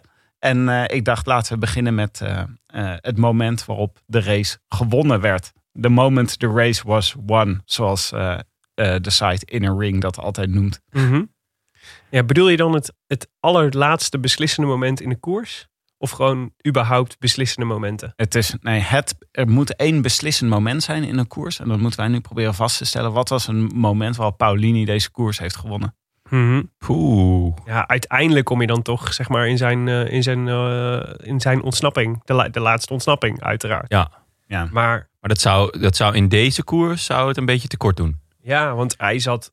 Het, hij heeft ook een paar keer eh, grote gaten moeten dichten, Paulini. Ja, Dat hij echt een soort van min of meer in kansloze positie zat en toch nog terugkwam. sterker nog, daar begint de, de uitzending van Sportza mee. Er is een valpartij geweest. Ja. eh, waarbij ehm, Cavendish eh, op achterstand is geraakt. En die wordt teruggereden door Stijn van den Berg. En, Trentin- Lange Stan. Ja, en Trentin, geloof ik. Van den Berg wacht op hem. Trentin, die, die had hem echt nog teruggereden. En daar komt Paulini ook mee terug aansluiten. Ja. En ja, dat, dat, is, dat was ook al heel beslissend. En later zit Paulini ook in groep 2. Ehm, dat is vlak voordat eh, Thomas eh, de, de, de, de berm inwaait. En maakt hij ook de oversteek. Dus hij heeft, hij heeft eigenlijk... eh, nou ja, met, met deze beslissende demarrage. Maar daarvoor heeft hij ook al twee keer echt heel beslissend bedacht van... oké, ik, ik moet nu gaan, anders dan, eh, anders dan, dan kom ik er nooit meer bij. Mm. Ik zou zo, zelf ook al het moment willen aandragen dat als, eh, als Paulini wegrijdt, dan houden de beide quicksteps, eh Ethics quickstep dan nog, die houden gewoon de benen stil. En die beginnen naar elkaar te kijken. Dat Ook waren wel. Terpstra Terpstra en Van den Berg. van den Berg. Ja. Ja. En eh, die zitten gewoon eh, te dat kijken er naar vaker overkomen volgens mij. deze tandem. Ja, nee, maar ook dat ik kan me, ik kan me ook nog een andere koers heugen dat zij eh, Zeker. ook naar elkaar zaten te kijken. Dat is eh, de omloop, hè? Ja, Met, eh met Bono ook nog erbij, Stennard. ai, ai, ai. Dat was... eh, Geen gelukkig duo. nee, Goed nee, dat- klopt ja. Ja. Eigenlijk zouden hier Terpstra ook over moeten spreken. Wat, Ja. er, toen, wat er toen gebeurde. Maar ja, zij moesten, ze hebben de hele dag zoveel keuzes moeten maken over... nu ga ik terughalen, nu ga ik de sprong wagen... nu ga ik het risico lopen dat ik Patat komt te zitten. En Ja. ik kan me voorstellen, ja, het, eh, gewoon eh, op een gegeven moment gaat er een keer een moment komen... dat je denkt, nu gaan die anderen het wel dichtrijden. Ja. En dat was nu, het was op 6,7 kilometer van de finish, geloof ik. Ja. Ja. En eh, daar liet ze het gewoon eh, daar liet ze het lopen. En zij waren degene die het eh, dicht hadden Die moeten het hadden moeten doen. Ja, want hij, hij doet iets ervoor dat hij een schijnaanval. Eh, dan gaat hij eventjes. En dan zit ze heel snel, eh, volgens mij Thomas, zit, zit heel snel op zijn wiel. Thomas was echt bielsterk. En eh, dan een paar honderd meter verder, dan rijdt hij echt een beetje op kousenvoeten.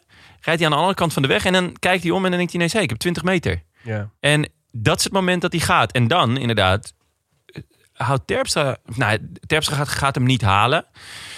En dan is het altijd natuurlijk de vraag... is het niet kunnen of niet willen? Want, maar het lijkt niet willen... omdat Terpstra zo sterk was eigenlijk de hele dag. Ja. Hij wordt niet voor niets tweede. Ja. Nee. Hij reed de hele dag. Ik heb er speciaal op hem gelet. Hij reed echt iedere keer scherp bij de, op de, in de voorste, op de voorste linies als hij er dan moet zitten.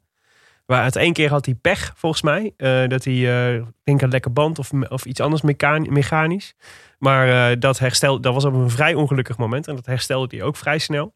Dus het was wel, het, Terpstra was wel de man, de man geweest die Paulini had kunnen kloppen. Maar ik moet zeggen, zat wel, het is wel echt waanzinnig om te zien dat iemand na zo'n koers zoals die Paulini heeft gereden, zeg maar, nog zoveel over heeft aan het eind. Ja. Want hij reed echt als een, echt, hij reed keihard naar, naar, naar de meet. Ja. Was, echt, eh, was echt indrukwekkend. Het was ook niet dat, he- dat stilviel daarachter. Nee, nee. Maar eh, ik, kan, ik kan me ook voorstellen, als stel je voor dat je Paulini bent, en je zit in die kopgroep en eh, er wordt aangevallen en er moet gaten dichtgereden worden en er moet echt heel gedisciplineerd kop over kop gereden worden. Dat je gewoon gaat turven. Oké, eh, ik zit met die twee quicksteps. Hoe vaak hebben zij nu de laatste tien minuten al dingen moeten doen? Als ik nu ga, is het gewoon de dertiende keer achter elkaar tot ze wat ze moeten doen. En is de kans heel groot dat ze niet gaan doen. Ja. Dus eh, dat is misschien ook een, eh, een eh, strategisch, ja, een Ja. oude rot. Maar de- dat vind ik dus het, het opvallende eraan. Ehm, ik zie Terpstra misschien wel strategisch als de beste renner uit het peloton. Vooral omdat hij natuurlijk niet eh, per se die eindsprint heeft, is hij echt wel vaak eh, aangewezen op het lezen van de koers en het juiste moment kiezen. En daar vind ik hem echt steengoed in. En eh, nou, een paar jaar later eh, wint hij daar natuurlijk ook gewoon een paar prachtige koersen mee. Nee, het, jaar daarvoor. won Nee, het jaar ervoor ook zeker. Ja. Maar een paar, was het het laatste jaar quickstep van hem? Dat hij, dat hij zoveel won? Ja. Ja, dat, ehm, dat, dat deed hij elke keer door op het juiste moment eh, eh, weg te rijden. Tuurlijk was hij ook gewoon vaak de sterkste man in koers. Maar dan nog, hij moet solo aankomen. Want op zijn sprint kan hij, kan hij niet vertrouwen. Hij zit daar nog net voor. In Terpstra zit daar denk ik in 2015 dus nog net voor het hoogtepunt in zijn carrière. Ja, Dus je ziet dat hij Ja. al bij de gearriveerde mannen hoort, zeg maar. En, eh, en hij heeft, want hij heeft Parijs-Roubaix het jaar daarvoor al gewonnen. Ja. Maar het is nog, hij is nog in een eh, upward tra- trajectory. Ja, en dat is ook leuk, want ehm, ze hebben het dus over ethics, eh, Michel en José. En het woord Wolfpack valt helemaal niet. En dat is, dat is sowieso al heerlijk. Ik, ik geloof dat hele gelul van die Wolfpack namelijk niet. Ehm, ze- Oh, ik wel hoor. Maar het- bij Quickstep wordt gewoon, ja, maar bij Quickstep wordt gewoon veel gewonnen. Maar je gaat mij niet vertellen dat, dat eh, eh, Stibar elke keer liep te genieten hoe, hoe Terpstra de, de, met, met de prijzen er vandoor ging. En eh, in, in, in het commentaar zeggen Michel en José ook eh, dat er een soort van strijd gaande is tussen eh Stibar en Terpstra. Dat er soort twee kampen zijn bij Ethics. In plaats van nog dat, dat Wolfpack geneuzel. Ehm, en dat vond ik, vond ik wel heel interessant. Er was, het was Bonen, die deed niet mee, want die was gevallen in Parijs-Nice, geloof ik. Ja. Ehm, Cavendish was kopman, hè? ja, eigenlijk wel, ja. ja Dat die- kan je nu ook niet meer voorstellen. Nee, maar ja, die, nee, zeker niet als je hem zag rijden ook.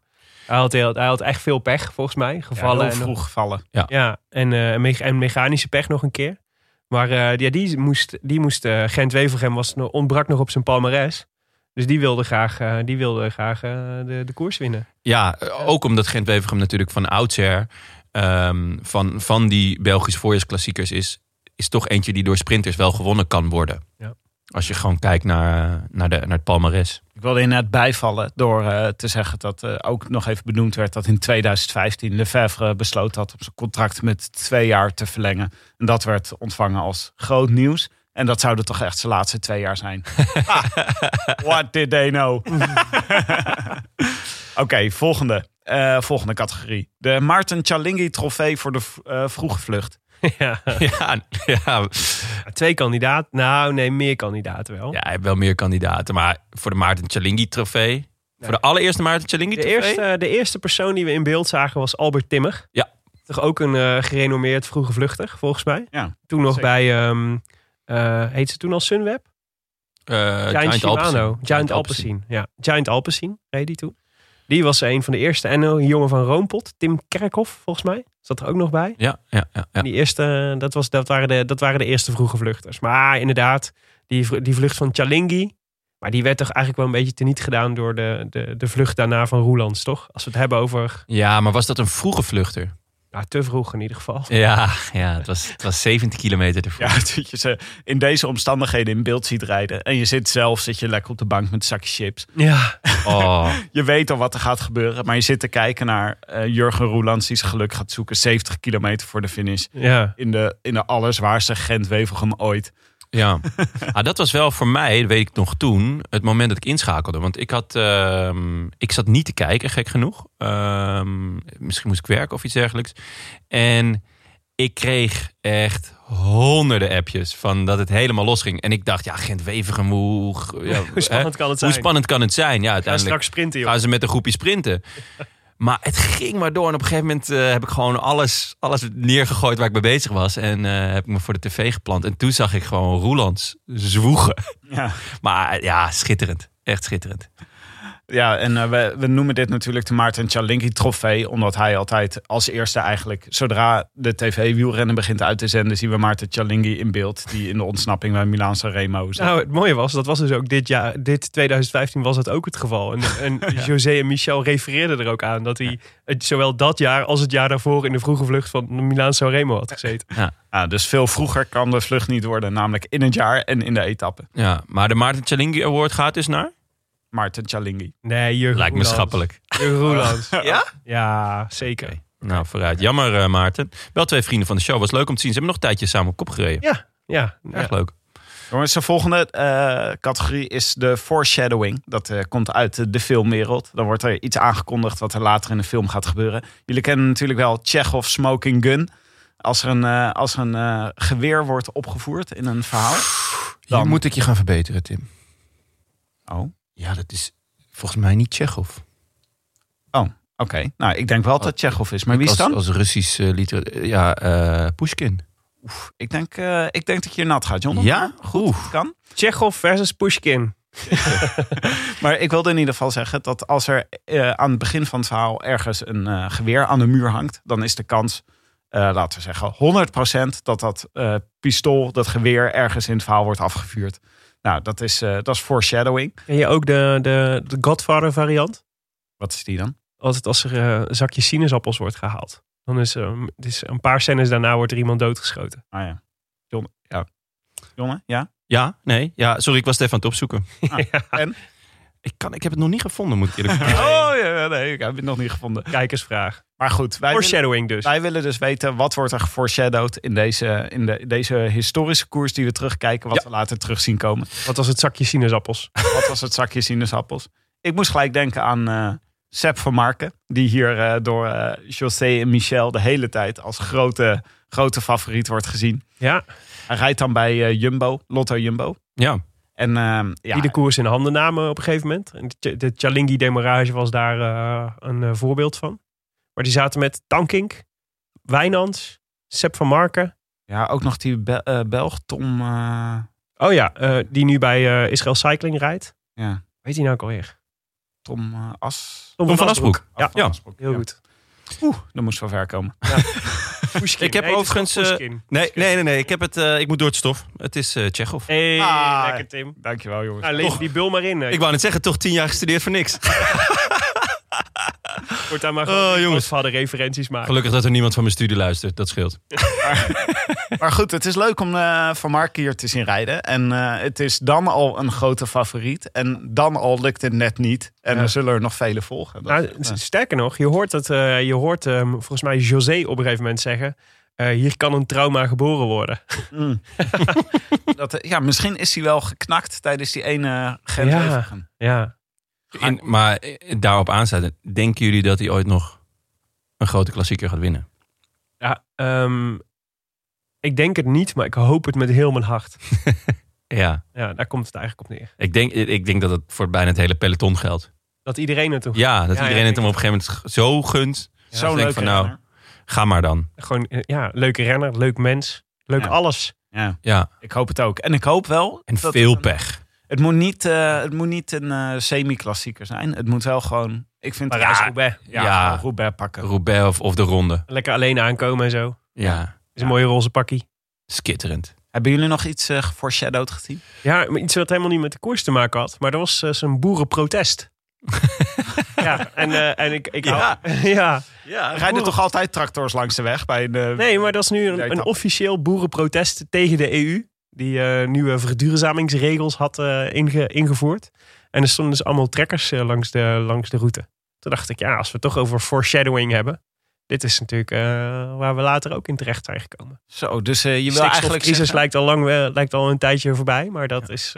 ja. Maar jij wil eigenlijk zeggen, je moet gewoon goed wielrennen kijken om te zien wat er politiek gaat gebeuren. Ja, precies. Ja, het hoeft, er, gebeurt, er gebeuren heel veel randzaken rond de koers die ook, die ook iets zeggen Ja, over het tijdsbeeld. Ja, en er zat nog één foreshadowing in van, van Michel en eh José. Waarin ze Thomas vergelijken met Wiggins. En eh, Thomas, ja, die draagt daar het kopmanschap. Die heeft de, volgens mij twee dagen daarvoor eh, de E3-prijs gewonnen. En eerst zit ze nog een beetje in dubio van, ja, kan hij dat kopmanschap nou eigenlijk wel echt aan. Nou, Michel zegt letterlijk nee. Die vindt van Ja, niet. maar het, het rare is dus, dus niet heel veel later hebben ze het erover. En dan zegt José van nou, dit is toch wel een, een, een halve Wiggins. En, en dan zegt Michel, het is een hele Wiggins. En Wiggins heeft als een van de weinige eh, eh, renners natuurlijk de, de, de stap ook van, van klassieke coureur naar ronde renner kunnen maken. En dat Ja. is een heel rare stap.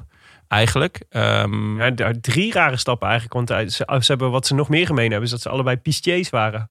Ja, Dus van Ja. pistier naar eh, klassieke renner naar ronde renner. ja, en, en En ehm, Pistier, ja, we hebben natuurlijk net met Renaat gebeld, maar eh, Zaal. eh, zaalrenner. zaalvoetballer. Zaalwielrenner. Zaalwielrenner. Baan, baanwielrenner. Ehm, ja, kijk, kijk je helemaal van in de war. Er staat ook hè, kunstfietsen in de zaal. Ja. Een soort ballet.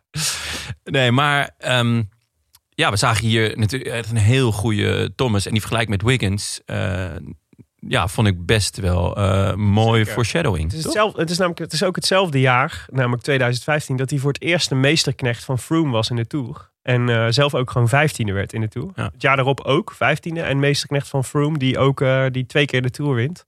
Dus dat was de, de aankondiging van, van zijn eh rondekwaliteit. Ja, ging hij langzaamaan Richie Poort van de troon verstoten. Ja. Leuke renner. We hebben, hem ook, eh, po- eh, we hebben hem ook benaderd natuurlijk voor deze aflevering. Maar iedereen benadert. Geraint. Ja. Geraint. Geraint Thomas. Ja, dat is jammer. Voor Renaat toch leuker. Ja, ja, ja, zeker. Over Renaat gesproken. Ik wilde graag eh, de categorie de konijnenpijp trofee wilde ik graag introduceren. Oh? Ik twijfel nog een beetje tussen de konijnenpijp trofee of de Karsten Kroon Award. Maar het gaat in ieder geval om een eh, uitspraak van een, eh, van een van de commentatoren die we toevoegen aan het groot vocabulaire der wielerjargon. Ik, ik vind als, als er een dier in zit, dan is het, eh, heb, heb je de Karsten Kroon Award. En als het eh, een, een, een, een reguliere uitspraak is, dan is het de Konijnenpijp trofee. Zeker. Ja. Dat is goed gepodderd. Is dat Uitstekend. een eh, goed idee? Er waren weinig dieren in beeld. Die, we- die, had- die hadden lekker de stal opgezocht. Te weinig. Ja. Te weinig. Ja. Ja. Ja, ik, ik, eh, ik Als je moet toch kritiek moet hebben op deze koers. Ik moet eerlijk bekennen, ik, ik ehm, maak altijd aantekeningen tijdens de koers van mooie uitspraken van eh, Michel en José. Gewoon om ze niet te vergeten. En ook, ook van Renaat natuurlijk. Echt waar? Schrijf- Je schrijft echt op? Ja, ja, ja. ja. Of WhatsApp je het naar iemand? Eh, nee, ik heb, ik heb heel lang heb ik ze gewoon opgeschreven op in mijn telefoon. En nu meestal inderdaad via WhatsApp. En dan kun je het wel terugvinden. Maar over het algemeen sla ik ze gewoon op. Een, Mijn, eh, ik, zat, ik zat vanmiddag dus met mijn vriendin te kijken. Gent Wevelgem. Die keek even zo'n stukje mee. Of zo, oh, zo, ze hoorde, ze luisterde in ieder geval mee met wat er bij het commentaar werd gezegd. En zij was heel, eh, ze werd heel eh, blij van de uitspraak dat eh, bij de waaiers staat achterin de deur open. Zei ze. Ja. Dat ze, vond ze heel ja, mooi. Ja, ja, schitterend. Ja. schitterend. Nee, ehm, mag, ik, mag ik er een paar voorlezen? Een paar voordragen? Ah, Ja. doe, doe wat van je favorieten. Ehm, de anciens hebben gesproken. De koers moet doorgaan. Ja. Dat is over of, of ze gaan neutraliseren of niet. Dat zijn Ja, we aan maar het begin. De anciens, dat gaat over de jury, toch?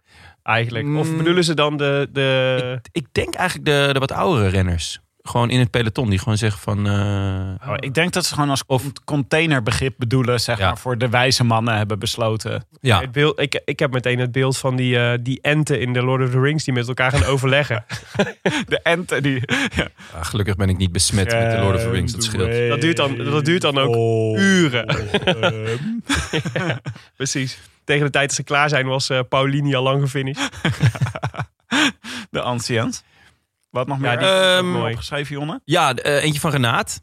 Het is flirten op de grens van het toelaatbare. Het is de waanzin voorbij. Dit was een kilometer 130. Dus dan toen- toen moest ze nog 130. Nou, 130 kilometer, genieten. Eh, een opvallende, een, een foutje van José eh, is... Ik denk ook dat de tweede man van Topsport Vlaanderen... dat het Nasens is. Olivier Nasens. Ja. Ja, eh, nou ja, het interessante is natuurlijk in, de, in het kader van de foreshadowing ook, Ja, de categorie die we hiervoor bespraken. Dit zegt natuurlijk alles over waar eh, Oliver Naasten in dat moment in zijn carrière stond. Namelijk, hij was echt een nobody. ja hij was echt nog... eh stond nog helemaal aan het begin. Dit was de eerste keer waarschijnlijk dat José... José had Ja. waarschijnlijk gekeken naar het nummertje. En toen gedacht, oh, dat is... eh, Nou, Michel die, die verbetert hem, die corrigeert hem. op, Naasten. Ja. Naasten. Dus maar hij zegt niet Oliver. Nee, nee, nee, nee, klopt. Maar eh, ik moest ook denken, je hebt toch een hele beroemde, de grote, grote aannemer van België heet toch Willy Naastens? Dat zal de verwarring zijn Oh, geweest. Ja, dat zou kunnen. Ja. Dat zou kunnen. Ik heb, eh, ja, heel veel mensen maken de fouten om, door hem Nasens te noemen. Ja, volgens mij komt dat daardoor. Doordat je, dat je Willy Nasens als dat dat soort eh super bekende naam in België is. Ja. Eh, zal ik doorgaan?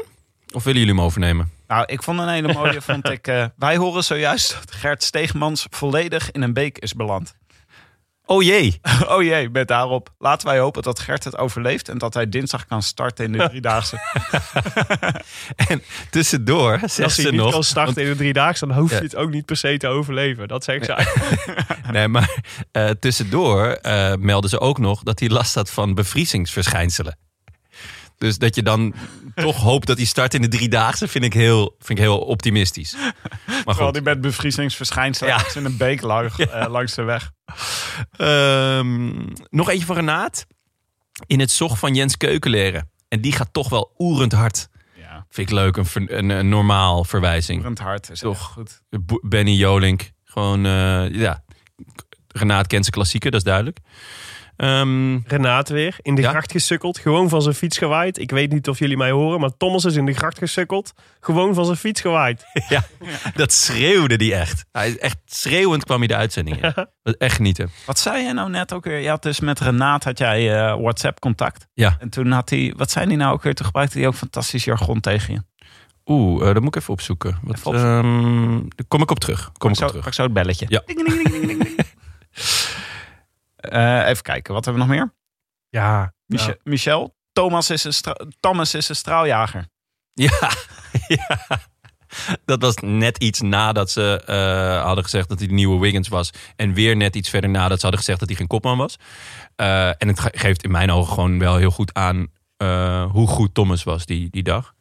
Mag ik, de, mag ik eh, mijn winnaar eh, voordragen? Ja, zeker. Ehm, eh, dat was toch, die ging over Jack Bauer, die we de vorige keer ook hadden, hadden, benoemd. Als de renner die op pij- op pijnlijke wijze op eh, 20 meter voor de finish ge- gepakt werd door het peloton. Maar die, die reed kennelijk ook deze koers. En daarover zei Michel Bauer, die net, nog van miser- die net nog van miserie zijn fiets in de gracht heeft gegooid. En eh, dan zegt José, is hem toch maar gaan halen omdat de voet naar hier komen nog langer duurt. ja, dat vond ik echt geweldig. Ja. Ik denk dat, eh, Vooral omdat ik ook echt denk dat het zo echt, echt gebeurd is. Ik denk dat er wel mensen boos gaan worden over hoe wij het eh, accent nadoen van Michel en José. Ah, ja, ik- Ja, ja, ik zat te twijfelen of ik, of ik mijn Vlaams erbij zou pakken. Maar ik weet dat eh, Willem dan eh, altijd Ik dat er altijd een lichte allergie voor. oren dan bloeden. Maar ja, dat je het dan zelf wel in het Vlaams gaat doen. Ja, maar ik Als- doe het dan ook als- zo half-half, als hè? import Brabander. Ah, dat zou ik ook niet moeten doen. Sorry. Ik zal ik hier doen. even, ik wil graag even hier wat memoreren. Ik heb dus, ik werkte bij NRC. En eh, ik had eh, de, de hoofdredacteur van de NRC was Peter van der Meers, die de prachtig Vlaams accent heeft. En eh, ooit de eerste keer, ik had nog niet echt met hem gepraat. Wel een beetje contact met hem gehad met e-mail en zo, maar nog nooit echt een gesprek met hem gehad. Toen kwam ik hem een keer tegen bij het koffiezetapparaat. En toen zei hij, ah, Tim de Gier, woest? en van schrik ging ik gewoon met een Vlaams accent terug. Toen zei ik, ja, goed hè? En met u? en toen, dacht Toen heb je je hele carrière bij NRC moeten volhouden dat je Vlaming was. oh, afgedropen ben ik. ja, Tim de Gier uit Wustwezel. Maar ehm, oké, ja, maar even een bruggetje, want eh, je noemde net Jack Bauer. Ik wilde namelijk ook als vijfde categorie wilde ik de Jack Bauer, eh, Jack Bauer trofee eh, toevoegen. Namelijk de renner die er het dichtst bij kwam, maar het net niet, eh, net niet is gelukt. Dus niet degene die tweede is geworden, maar iemand die ergens tijdens deze koers heel veel kans had om hier met de overwinning er vandoor te gaan. Ja, dat kan er maar één zijn, toch? In ieder geval in deze koers. ja, ja, ja, ja Roelands. Ja, Die moet Roelands. hem natuurlijk winnen. Maar ik zou toch ook wel Nicky Terpstra willen, willen. Want die had natuurlijk wel alle kaarten om, eh, om deze koers te kunnen winnen. De juiste kaart om deze koers te kunnen winnen. Ja, Dus ploegmaat in de voorste groep eh, super, was supergoed. Die had, hem, die had hem natuurlijk normaal gesproken. Had je moeten zeggen, dit was, het was uit te spelen geweest. ja, maar misschien was het ergens dus ook wel moeilijk dat er nog een ploegmaat bij zat. Want daardoor werd er wel Stijn van den Berg was.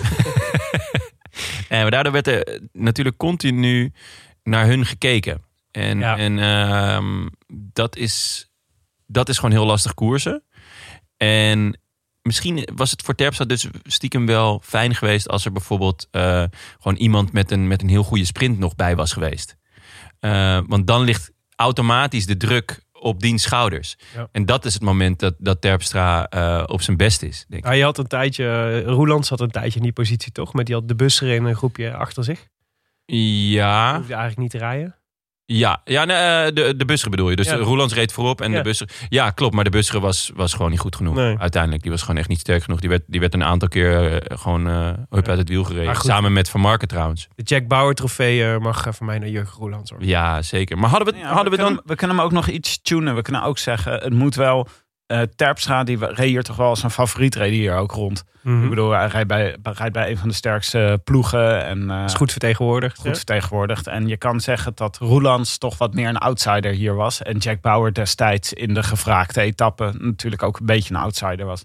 Dus we kunnen zeggen, de Jack Bauer trofee is voor een renner die hier grote kans had om de stunt van zijn leven te poelen. Maar niet gelukt is. Beetje Niels Poliet in eh, Parijs-Roubaix. Dat idee.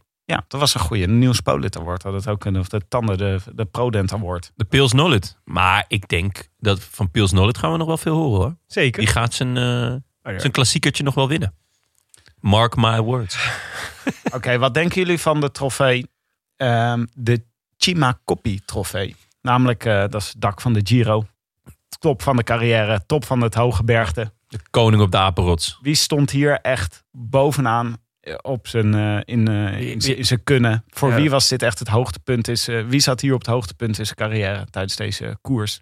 Dat je nooit meer beter hebt gereden. Ja, dat het hier eigenlijk eh, bij elkaar kwam. En eh, ja, je zou kunnen zeggen, voor Paulini. Ja, ja, dit is wel zijn mooiste overwinning. Zeker met de heroïek. Eh, hij heeft natuurlijk heeft de omloop ook gewonnen, geloof ik. Even kijken. Eh, overwinningenlijst. Brabantse Pijl. Ja. Ritoverwinning in de Ronde van Spanje. In de Ronde van Italië. eh omloop het Nieuwsblad. Ja. En Gent-Wevelgem. Dat zijn eigenlijk de grote, de grote koersen die hij heeft gewonnen. Nou, dan zou ik zeggen Gent-Wevelgem is...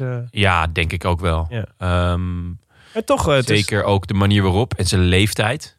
Ja. En of hij dan cocaïne heeft gebruikt, ja, dat weten we niet. of hij dat ook tijdens de koers heeft gebruikt. Je wil het echt wel graag even in fietsen. eigenlijk, het lijkt me heel moeilijk om met deze wind, met deze eh, eh, wind, om dan nog cocaïne te gebruiken. Dus de kans dat hij dit schoon heeft gedaan is heel groot. Ja, ja nee, is goed. Toch? het waait zo van je vinger. Ja, Van je Van je bankpas. vinger of, of van, je, ja, van je bankpas of het spiegeltje wat ze meestal bij, bij zich hebben dan. Kan je naar jezelf kijken als je het neemt. Het is hij ook... daarom zo'n ehm, spiegeltje op zijn fiets? Het verklaart wel een hoop. Mooie fiets trouwens. ja.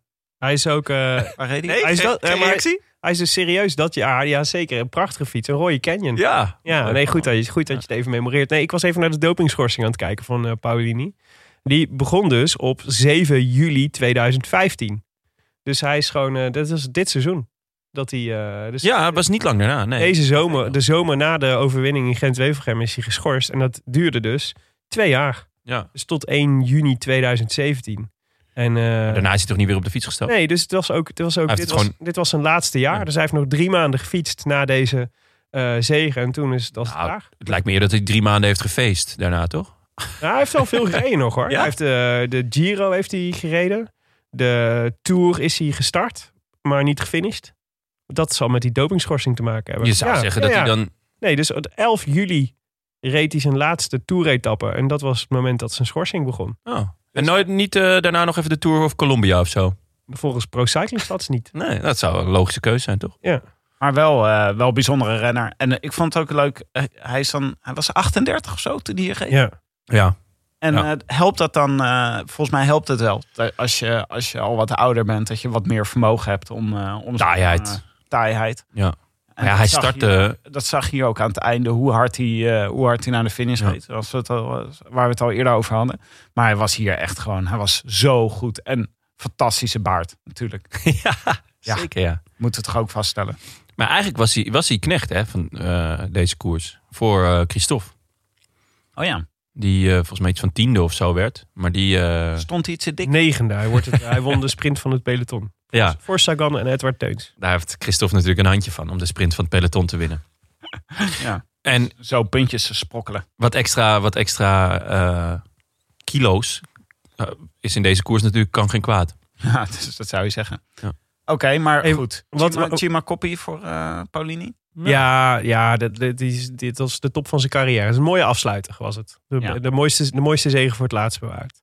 Waren er, eh, hadden jullie momenten... eh, of, of renners waarvan je eh, blij was dat je ze weer even terugzag? Die je had gemist in de afgelopen tijd? Nou, ik vond. ehm, eh, het, waren, het waren natuurlijk wel regen. ehm, pakjes, maar ik vond één pakje helemaal rood was het. Mhm. Volgens mij was het het regenpak van BMC. Ja, die was heel Het vet. was schitterend. Ja, was echt heel tof. Zo mooi. Dan, dan zie je dus ook hoeveel ehm eh, reclame-uitingen gewoon verpesten. Maar dat vond ik echt, eh, heb ik echt met veel eh, esthetisch vermogen naar zitten, esthetisch plezier naar zitten kijken. Je snapt toch, toch ook niet dat die ploegen niet gewoon zeggen van één sponsor, gewoon één naam erop. En voor de rest het shirt helemaal e- egaal, één kleur. Daar val je Ja. zo op vergeleken met de rest. Zoals wij, zoals wij ook maar één sponsor hebben. Altijd. Nee, ik zit hier, ik heb dingen op de mouwen, ik heb iets op mijn voorhoofd Onder mijn oksel zelfs. Onder mijn oksel. Maar ehm, nee, heb jij, heb jij nog renners? Want eh, Nou, er waren een, er waren een paar. Vond eh Chavanel, vond ik. eh, was die had ook wel een heel mooie rol. Hij had een hele mooie rol. Worstelend met zijn, eh, met zijn jasje. Daarna nooit meer gezien. was een soort ballet. Ik, wil graag, ik hoop dat ze er morgen klassieke muziek onder zetten. Terwijl hij eh, terwijl, terwijl hij dat doet. Ook heel tof. En ehm eh Eugert Zoepa. Soepa? Nee, nee ik, hij kwam voorbij inderdaad, maar het er ging niet echt een belletje rinkelen. Moet Ja, de Albanese. Een, een Albanese renner. Die, eh, die was altijd... eh, ging, bij een aantal WK's ging die, eh, zat hij aan de vroege vlucht. De Maarten Chalingio hoort op het WK. Ja, ja, zeker. Dat is wel een lekkere, om, Ja. om, hem, eh, Ja. lekker om hem daar is, te eh, pakken. is met pensioen. Ik had, er al, ik had al lang niet meer aan hem gedacht. Dus eh, Eu- Eugert Soepa was... eh, was eh, die werd, Eugert Soepa. ja, en werd ook gewoon... eh, ja, gewoon keurig in de twintigste, rond de twintigste plek volgens mij. Werd. 23e. Ja, nou, is toch knap Ja, zeker. Ja. voor een Albanese. Ehm, ja, die, ik, ik vond, en ik vond het leuk om ehm, te zien eh, Daniel Os, die nu natuurlijk in onze hoofden allemaal verbonden is met Peter Sagan. Ja. Die reed toen nog voor Greg. Zeker, bij BMC. En Ja. hoe? Ja, en hij was echt knijtergoed. Hoewel die wel uit het eh, groepje met eh, Thomas en zo is gewaaid. Ehm, en ik had altijd het idee van Os van nou, zou hij niet ook gewoon kopman ergens kunnen zijn? Mm. Maar eh, uiteindelijk is hij dus gekaapt door eh, Sagan. Wat wel echt een aderlating is geweest, ook voor Greg. En eh, hij was dat jaar ook al super in Milaan Sanremo. Dat was het jaar dat hij echt, die had hij kunnen winnen. Jongens, tot slot over eh Gent-Wevelgem. Eh, wat nemen we mee? Is er iets eh, wat we hier zagen van... ja, dit was in het peloton. Dit vonden we, zo- dit vonden we zo leuk. Dit, Nou, laat, laten we om te beginnen constateren dat het eeuwig zonde is dat Gent Wevelgem vandaag geen doorgang heeft gevonden. Zo, ja. Want Het was eh, windkracht 6 in de Moeren, sowieso. Ja. En prachtig zonnig weer. Vandaag bedoel je, dus Ja, in dus we hadden- 2020. We hadden een prachtige zonnige editie kunnen hebben die, eh, die eh, had kunnen refereren aan deze. Die gewoon, die, die, Qua wind. ja, Ja, ja, ja. dat was fantastisch geweest. En het was natuurlijk ook Gent-Wevelgem was nog niet zo heel lang op zondag. Hè, want het was een hele tijd op, op woensdag. En eh, toen hebben ze gewoon op een gegeven moment gedacht... we plempen hem gewoon tussen al die monumenten in. En eh, nou, eh, hij krijgt er extra cachet door. En dat is denk ik, ik denk dat hij gewoon op weg is... ook om een van de meest, eh, om gewoon een legendarische wielerwedstrijd te worden. Ja, ja. het- Daardoor. ik, ik, gek genoeg hebben ze niet heel lang na deze editie... hebben ze die, de plug streets, eh, dus de, de grindwegen... Ja. geïmplementeerd. Wat ook echt goed werkt. Ja, het is een beetje, hij heet nu ook Gent Wevelgem in Flanders Fields. toch? Ja. Ja. Ja. Ze gaan ook vo- vanaf volgend Meer- jaar start hij in Ieper. Meer op die heritage van de Eerste Wereldoorlog gaat het allemaal zitten. Ja, precies. Ja. Of misschien starten die dit jaar al in Ieper. Hij zou dit jaar in Ieper starten, ja. ja. Ah, dat is gewoon, eh, ja, dat wordt gewoon één groot eh, Eerste Wereldoorlog fietsfestijn. Wat eh, liefhebbers van fietsen houden ook altijd van de Eerste Wereldoorlog. Dus Ja. heel, eh, Nou, het is gewoon, het is, wat nemen we mee? Ja, het was inderdaad, het is een, het is een, een leukere voorjaarsklassieker dan het, dan het in jaren was geweest. Maar toch ook wel hoe eh, dodelijk vermoeiend het is als een finale 200 kilometer duurt. ja. Holy shit, ik was gesloopt man, afloop om te kijken. Ik stond dacht dat je dan denkt, we zitten in volle finale. En dat je dan zo linksboven in het scherm ziet, oh, het is nog 106 kilometer. ja. Dat is echt, eh, je merkte ook bij Michel en José dat ze daar een beetje over in verwarring waren. Dat ze, soort, eh, dat ze echt helemaal in finale mode stonden, terwijl dat helemaal nog niet, terwijl het gewoon nog, nog super ver was. Ja.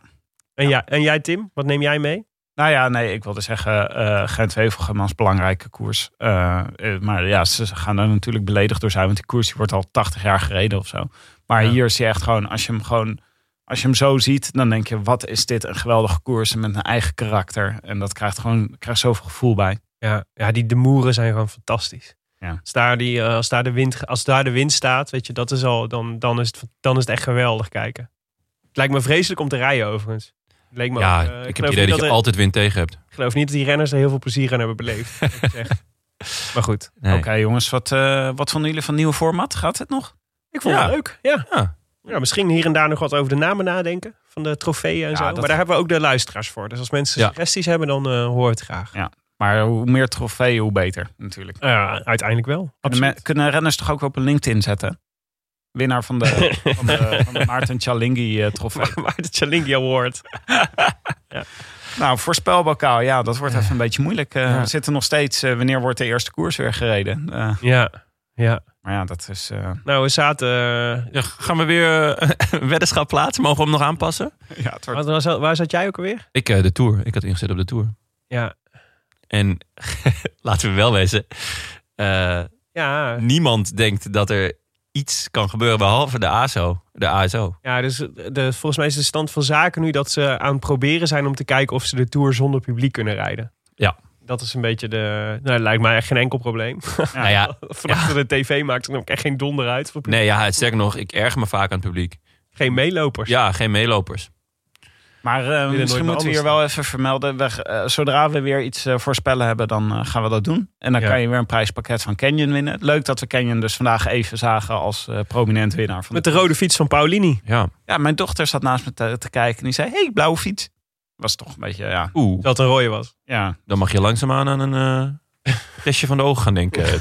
ja dus ik, weet niet, ik weet niet wat hier aan de hand was. Ik ben Ja. toch ook eh, bevangen door het mooie weer buiten. Nou, dit was het. nou, we hebben nog Ah, goedjes. nee, nee, we hebben niet. Niet? Er was namelijk nog iemand anders die ook eh, reed. De, de, eh, de Gent deze Gent Dat was Dylan van Baarle. Ja. Die werd zelfs door Renaat nog eventjes genoemd. En ehm, het, was sowieso, het was sowieso een bijzondere dag natuurlijk. Want eh Floortje Makai, mevrouw van Baarle, won eh, de, de dameseditie. En, ehm, en hij, won, eh, hij zat eh, keurig mee in de eerste waaier. En op een gegeven moment hoor je, eh, hoor je eh, Renaat zeggen dat hij, eh, dat hij valt. Dat hij gevallen is. Dat hij, weg, dat hij, eh, dat hij eh, van het pad gewaaid is. Maar ik had het even gecheckt en dat blijkt dus niet het geval. Er was dus, hij zat keurig in de eerste waaier, maar er was een renner die naast hem zat die een volle bidon wilde aanpakken. Dat ging mis. Die bidon die belandde voor zijn fiets en toen viel hij. Toen Ai. raakte hij de aansluiting kwijt. Hij zat toen bij Cannondale. Hij zat toen, ja, precies. Ja. En, eh, en, ehm, en ik had hem toch eventjes op de, op de WhatsApp. Dus toen dacht ik, laat ik meteen even vragen of hij niet eh, even de groetjes wil doen. Hoi eh, beste luisteraars van de Rode Lantaarn. Ehm, het is eh Dylan van hier. Ik, eh, ik heb weliswaar niks gewonnen, maar ehm, ja, ik wil jullie allemaal eh, de hartelijke groetjes doen. Ehm, in deze toch wel gekke tijd zonder koers. Ook voor mijzelf natuurlijk eh, een beetje apart. Ik, eh, ik kan helaas niet buiten trainen. Dus ik ben veel bezig op de, op de kikker, op de wouwe kikker. eh, en doe ik een beetje swiften. Dus eh, om toch maar een beetje bezig te blijven. Maar eh, ja, ik hoop dat jullie het ook goed maken. En ehm, ja, hopelijk eh, is het snel om over. Ja, daar hopen wij ook natuurlijk. Ja, die arme jongen die zit gewoon in Monaco. Ja, dat, Deze, deze zin is denk ik nog nooit eerder uitgesproken. nee, maar nu is dat... Ik zou daar niet in eh, quarantaine willen zitten, toch? Maakt Of, of hoef je in Mo- Monaco? Ja, ja. En ze mogen niet fietsen dus. Dus dat is echt... Nee, maar eh, dat is omdat Frankrijk in, in dingen zit. En je kan in Monaco zelf niet fietsen. Maar mag hij nog wel naar buiten? Ehm, Of zit Monaco ook echt in... eh, nou, volgens mij mogen ze wel naar buiten, maar niet buiten fietsen. Oké. Nee, ze mag een ommetje maken en zo. Ja? Ja. En moet je dan zo'n papiertje bij je hebben? Nou, dat zou best wel kunnen. Goh, Maar ze zitten, eh, die, al die renners die zitten nu de hele, voortdurend op Zwift te fietsen. En, Ja. eh, en eh, Van Baarle ook. Is echt heel grappig. Dus iedere keer als je op Zwift gaat, dan is er echt een heel peloton aan profs die mee aan het rijden is. Ieder, alle profs, behalve George Bennett. Die werd er echt ziek gefrustreerd van. Het was hem nog geen enkele keer gelukt om top 10 te rijden. Echt heel zielig. Ja, Oh, die arme jongen. toen hij doet af en toe van die wedstrijdjes mee. Ja. En het lukt hem gewoon niet. Dan ben je gewoon al depressief omdat je thuis zit, eh, niet kan wielrennen en is ook geen wielrennen op tv. En dan ga je koersen tegen een stel amateurs. Ja, maar Swift... En dan word je gewoon geen top 10. Ja, vroeg dit in de Rode Lantaarn eh, redactiegroep waarom het kan dat die profs dan eh, verliezen van eh, amateurs. Maar die zeiden van Ten Ja. eerste is het heel makkelijk om vals te spelen. Ja, dat Ah. vooral. Ja, je kan doen alsof je zwaarder of lichter bent. Ja. Lichter volgens mij. Zwaar, zwaarder gaat je niet helpen. Nee, precies. Maar het is ook zo dat veel eh, eh, van die amateurrenners... die kennen al die parcours helemaal uit hun hoofd. Dus die weten precies op welk moment ze moeten aanzetten... om eh, met een aanloopje de berg op te rijden en dat soort dingen. Ja, dat, dat vond ik allemaal een beetje secundair geneuzel. Je kan gewoon heel makkelijk vals spelen. toch? Ja, dat is waar. Maar ja, daar kunnen die profs ook, toch? Ja, dat is waar. Ja. Nee, eh, Arno de Mare en Jetsebol. Dat zijn de enige twee profs die ik tot nu toe koers heb zien winnen op, eh, op Zwift. Oeh, Jetsebol. Dat is grappig. Goede Swifter. Ja. Wat leuk. Hij keek eh, het laatste moment nog even over zijn schouder of uh, Madrazzo er niet aankwam. Maar dat bleek niet. Goed. Eh, u luisterde naar de Roland Taarn. Eh, goed gepakt. eh, goed herpakt. Ja, je wees naar mij, maar ik was net een slokje van die Guinness aan het nemen. Maar goed, eh, u luisterde naar de Roland Taarn. Gepresenteerd door uw favoriete bankzitters Tim de Gier, Willem Dudok en mijzelf, Jonas Riese. Veel dank aan onze sponsor, sponsoren Canyon, hashtag fiets van de show en Scorito. En BBB Cycling. En vandaag inderdaad BBB Cycling. Billen, buik, benen, toch? Voor het eh, voorseizoen. Ja. Eh, de Roland Taarn eh, wordt verder mede mogelijk gemaakt door Dag en Nacht, Media en Hetskoers.nl, de wielerblog van Nederland en Vlaanderen.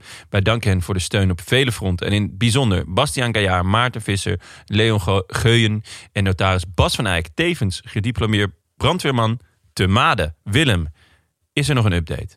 Nee, er is de afgelopen week eigenlijk weinig gebeurd in eh, brandweerland. Althans, brandweerland in Maden.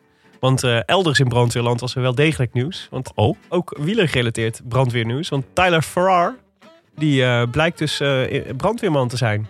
En bij de brandweer van Seattle werkt hij nu. En daar, daar vertelde hij over in een interview dat hij heel gelukkig was als brandweerman. En dat hij, dat hij, een, dat hij zijn, zijn tweede droombaan had gevonden. Oh, fi Fire, Fireman Farrar. Fireman wel als een Farrar. soort brandweerman Bas. Ja, precies. En wint hij daar ook wel eens? Of eh, Farrar heeft... Ik, komt hij daar ook altijd weer... Was- eh, Verrassend genoeg heeft Farrar best wel wat gewonnen, toch? Echt? Ik heb in mijn Ik- hoofd dat hij altijd eh Etappes in kopman alle was. drie de grote rondes. Nee. Ja, zeker wel. Tyler? Ja. En ehm, Auw, op hem hoor. nee, het is, het, is wel, het is wel echt zo. En Ah, nog goed. even een mooi bruggetje met, eh, met het verhaal van eh Renaat toen straks. Renaat! Hij is ook, eh, het was ook de beste vriend van Wouter Weiland. Tyler. Oh, ja. ja, ja. Wil je reageren op deze rode lantaarn? Dat kan eh, via vele wegen. Je kunt ons sowieso vinden op Facebook en Twitter. Maar je mag ook mailen naar groetjes En dat vinden wij extra leuk. Zeker in deze eh, tijden van quarantaine. Waarin Jonne toch een beetje zit te vereenzamen. Stuur hem af en toe gewoon even.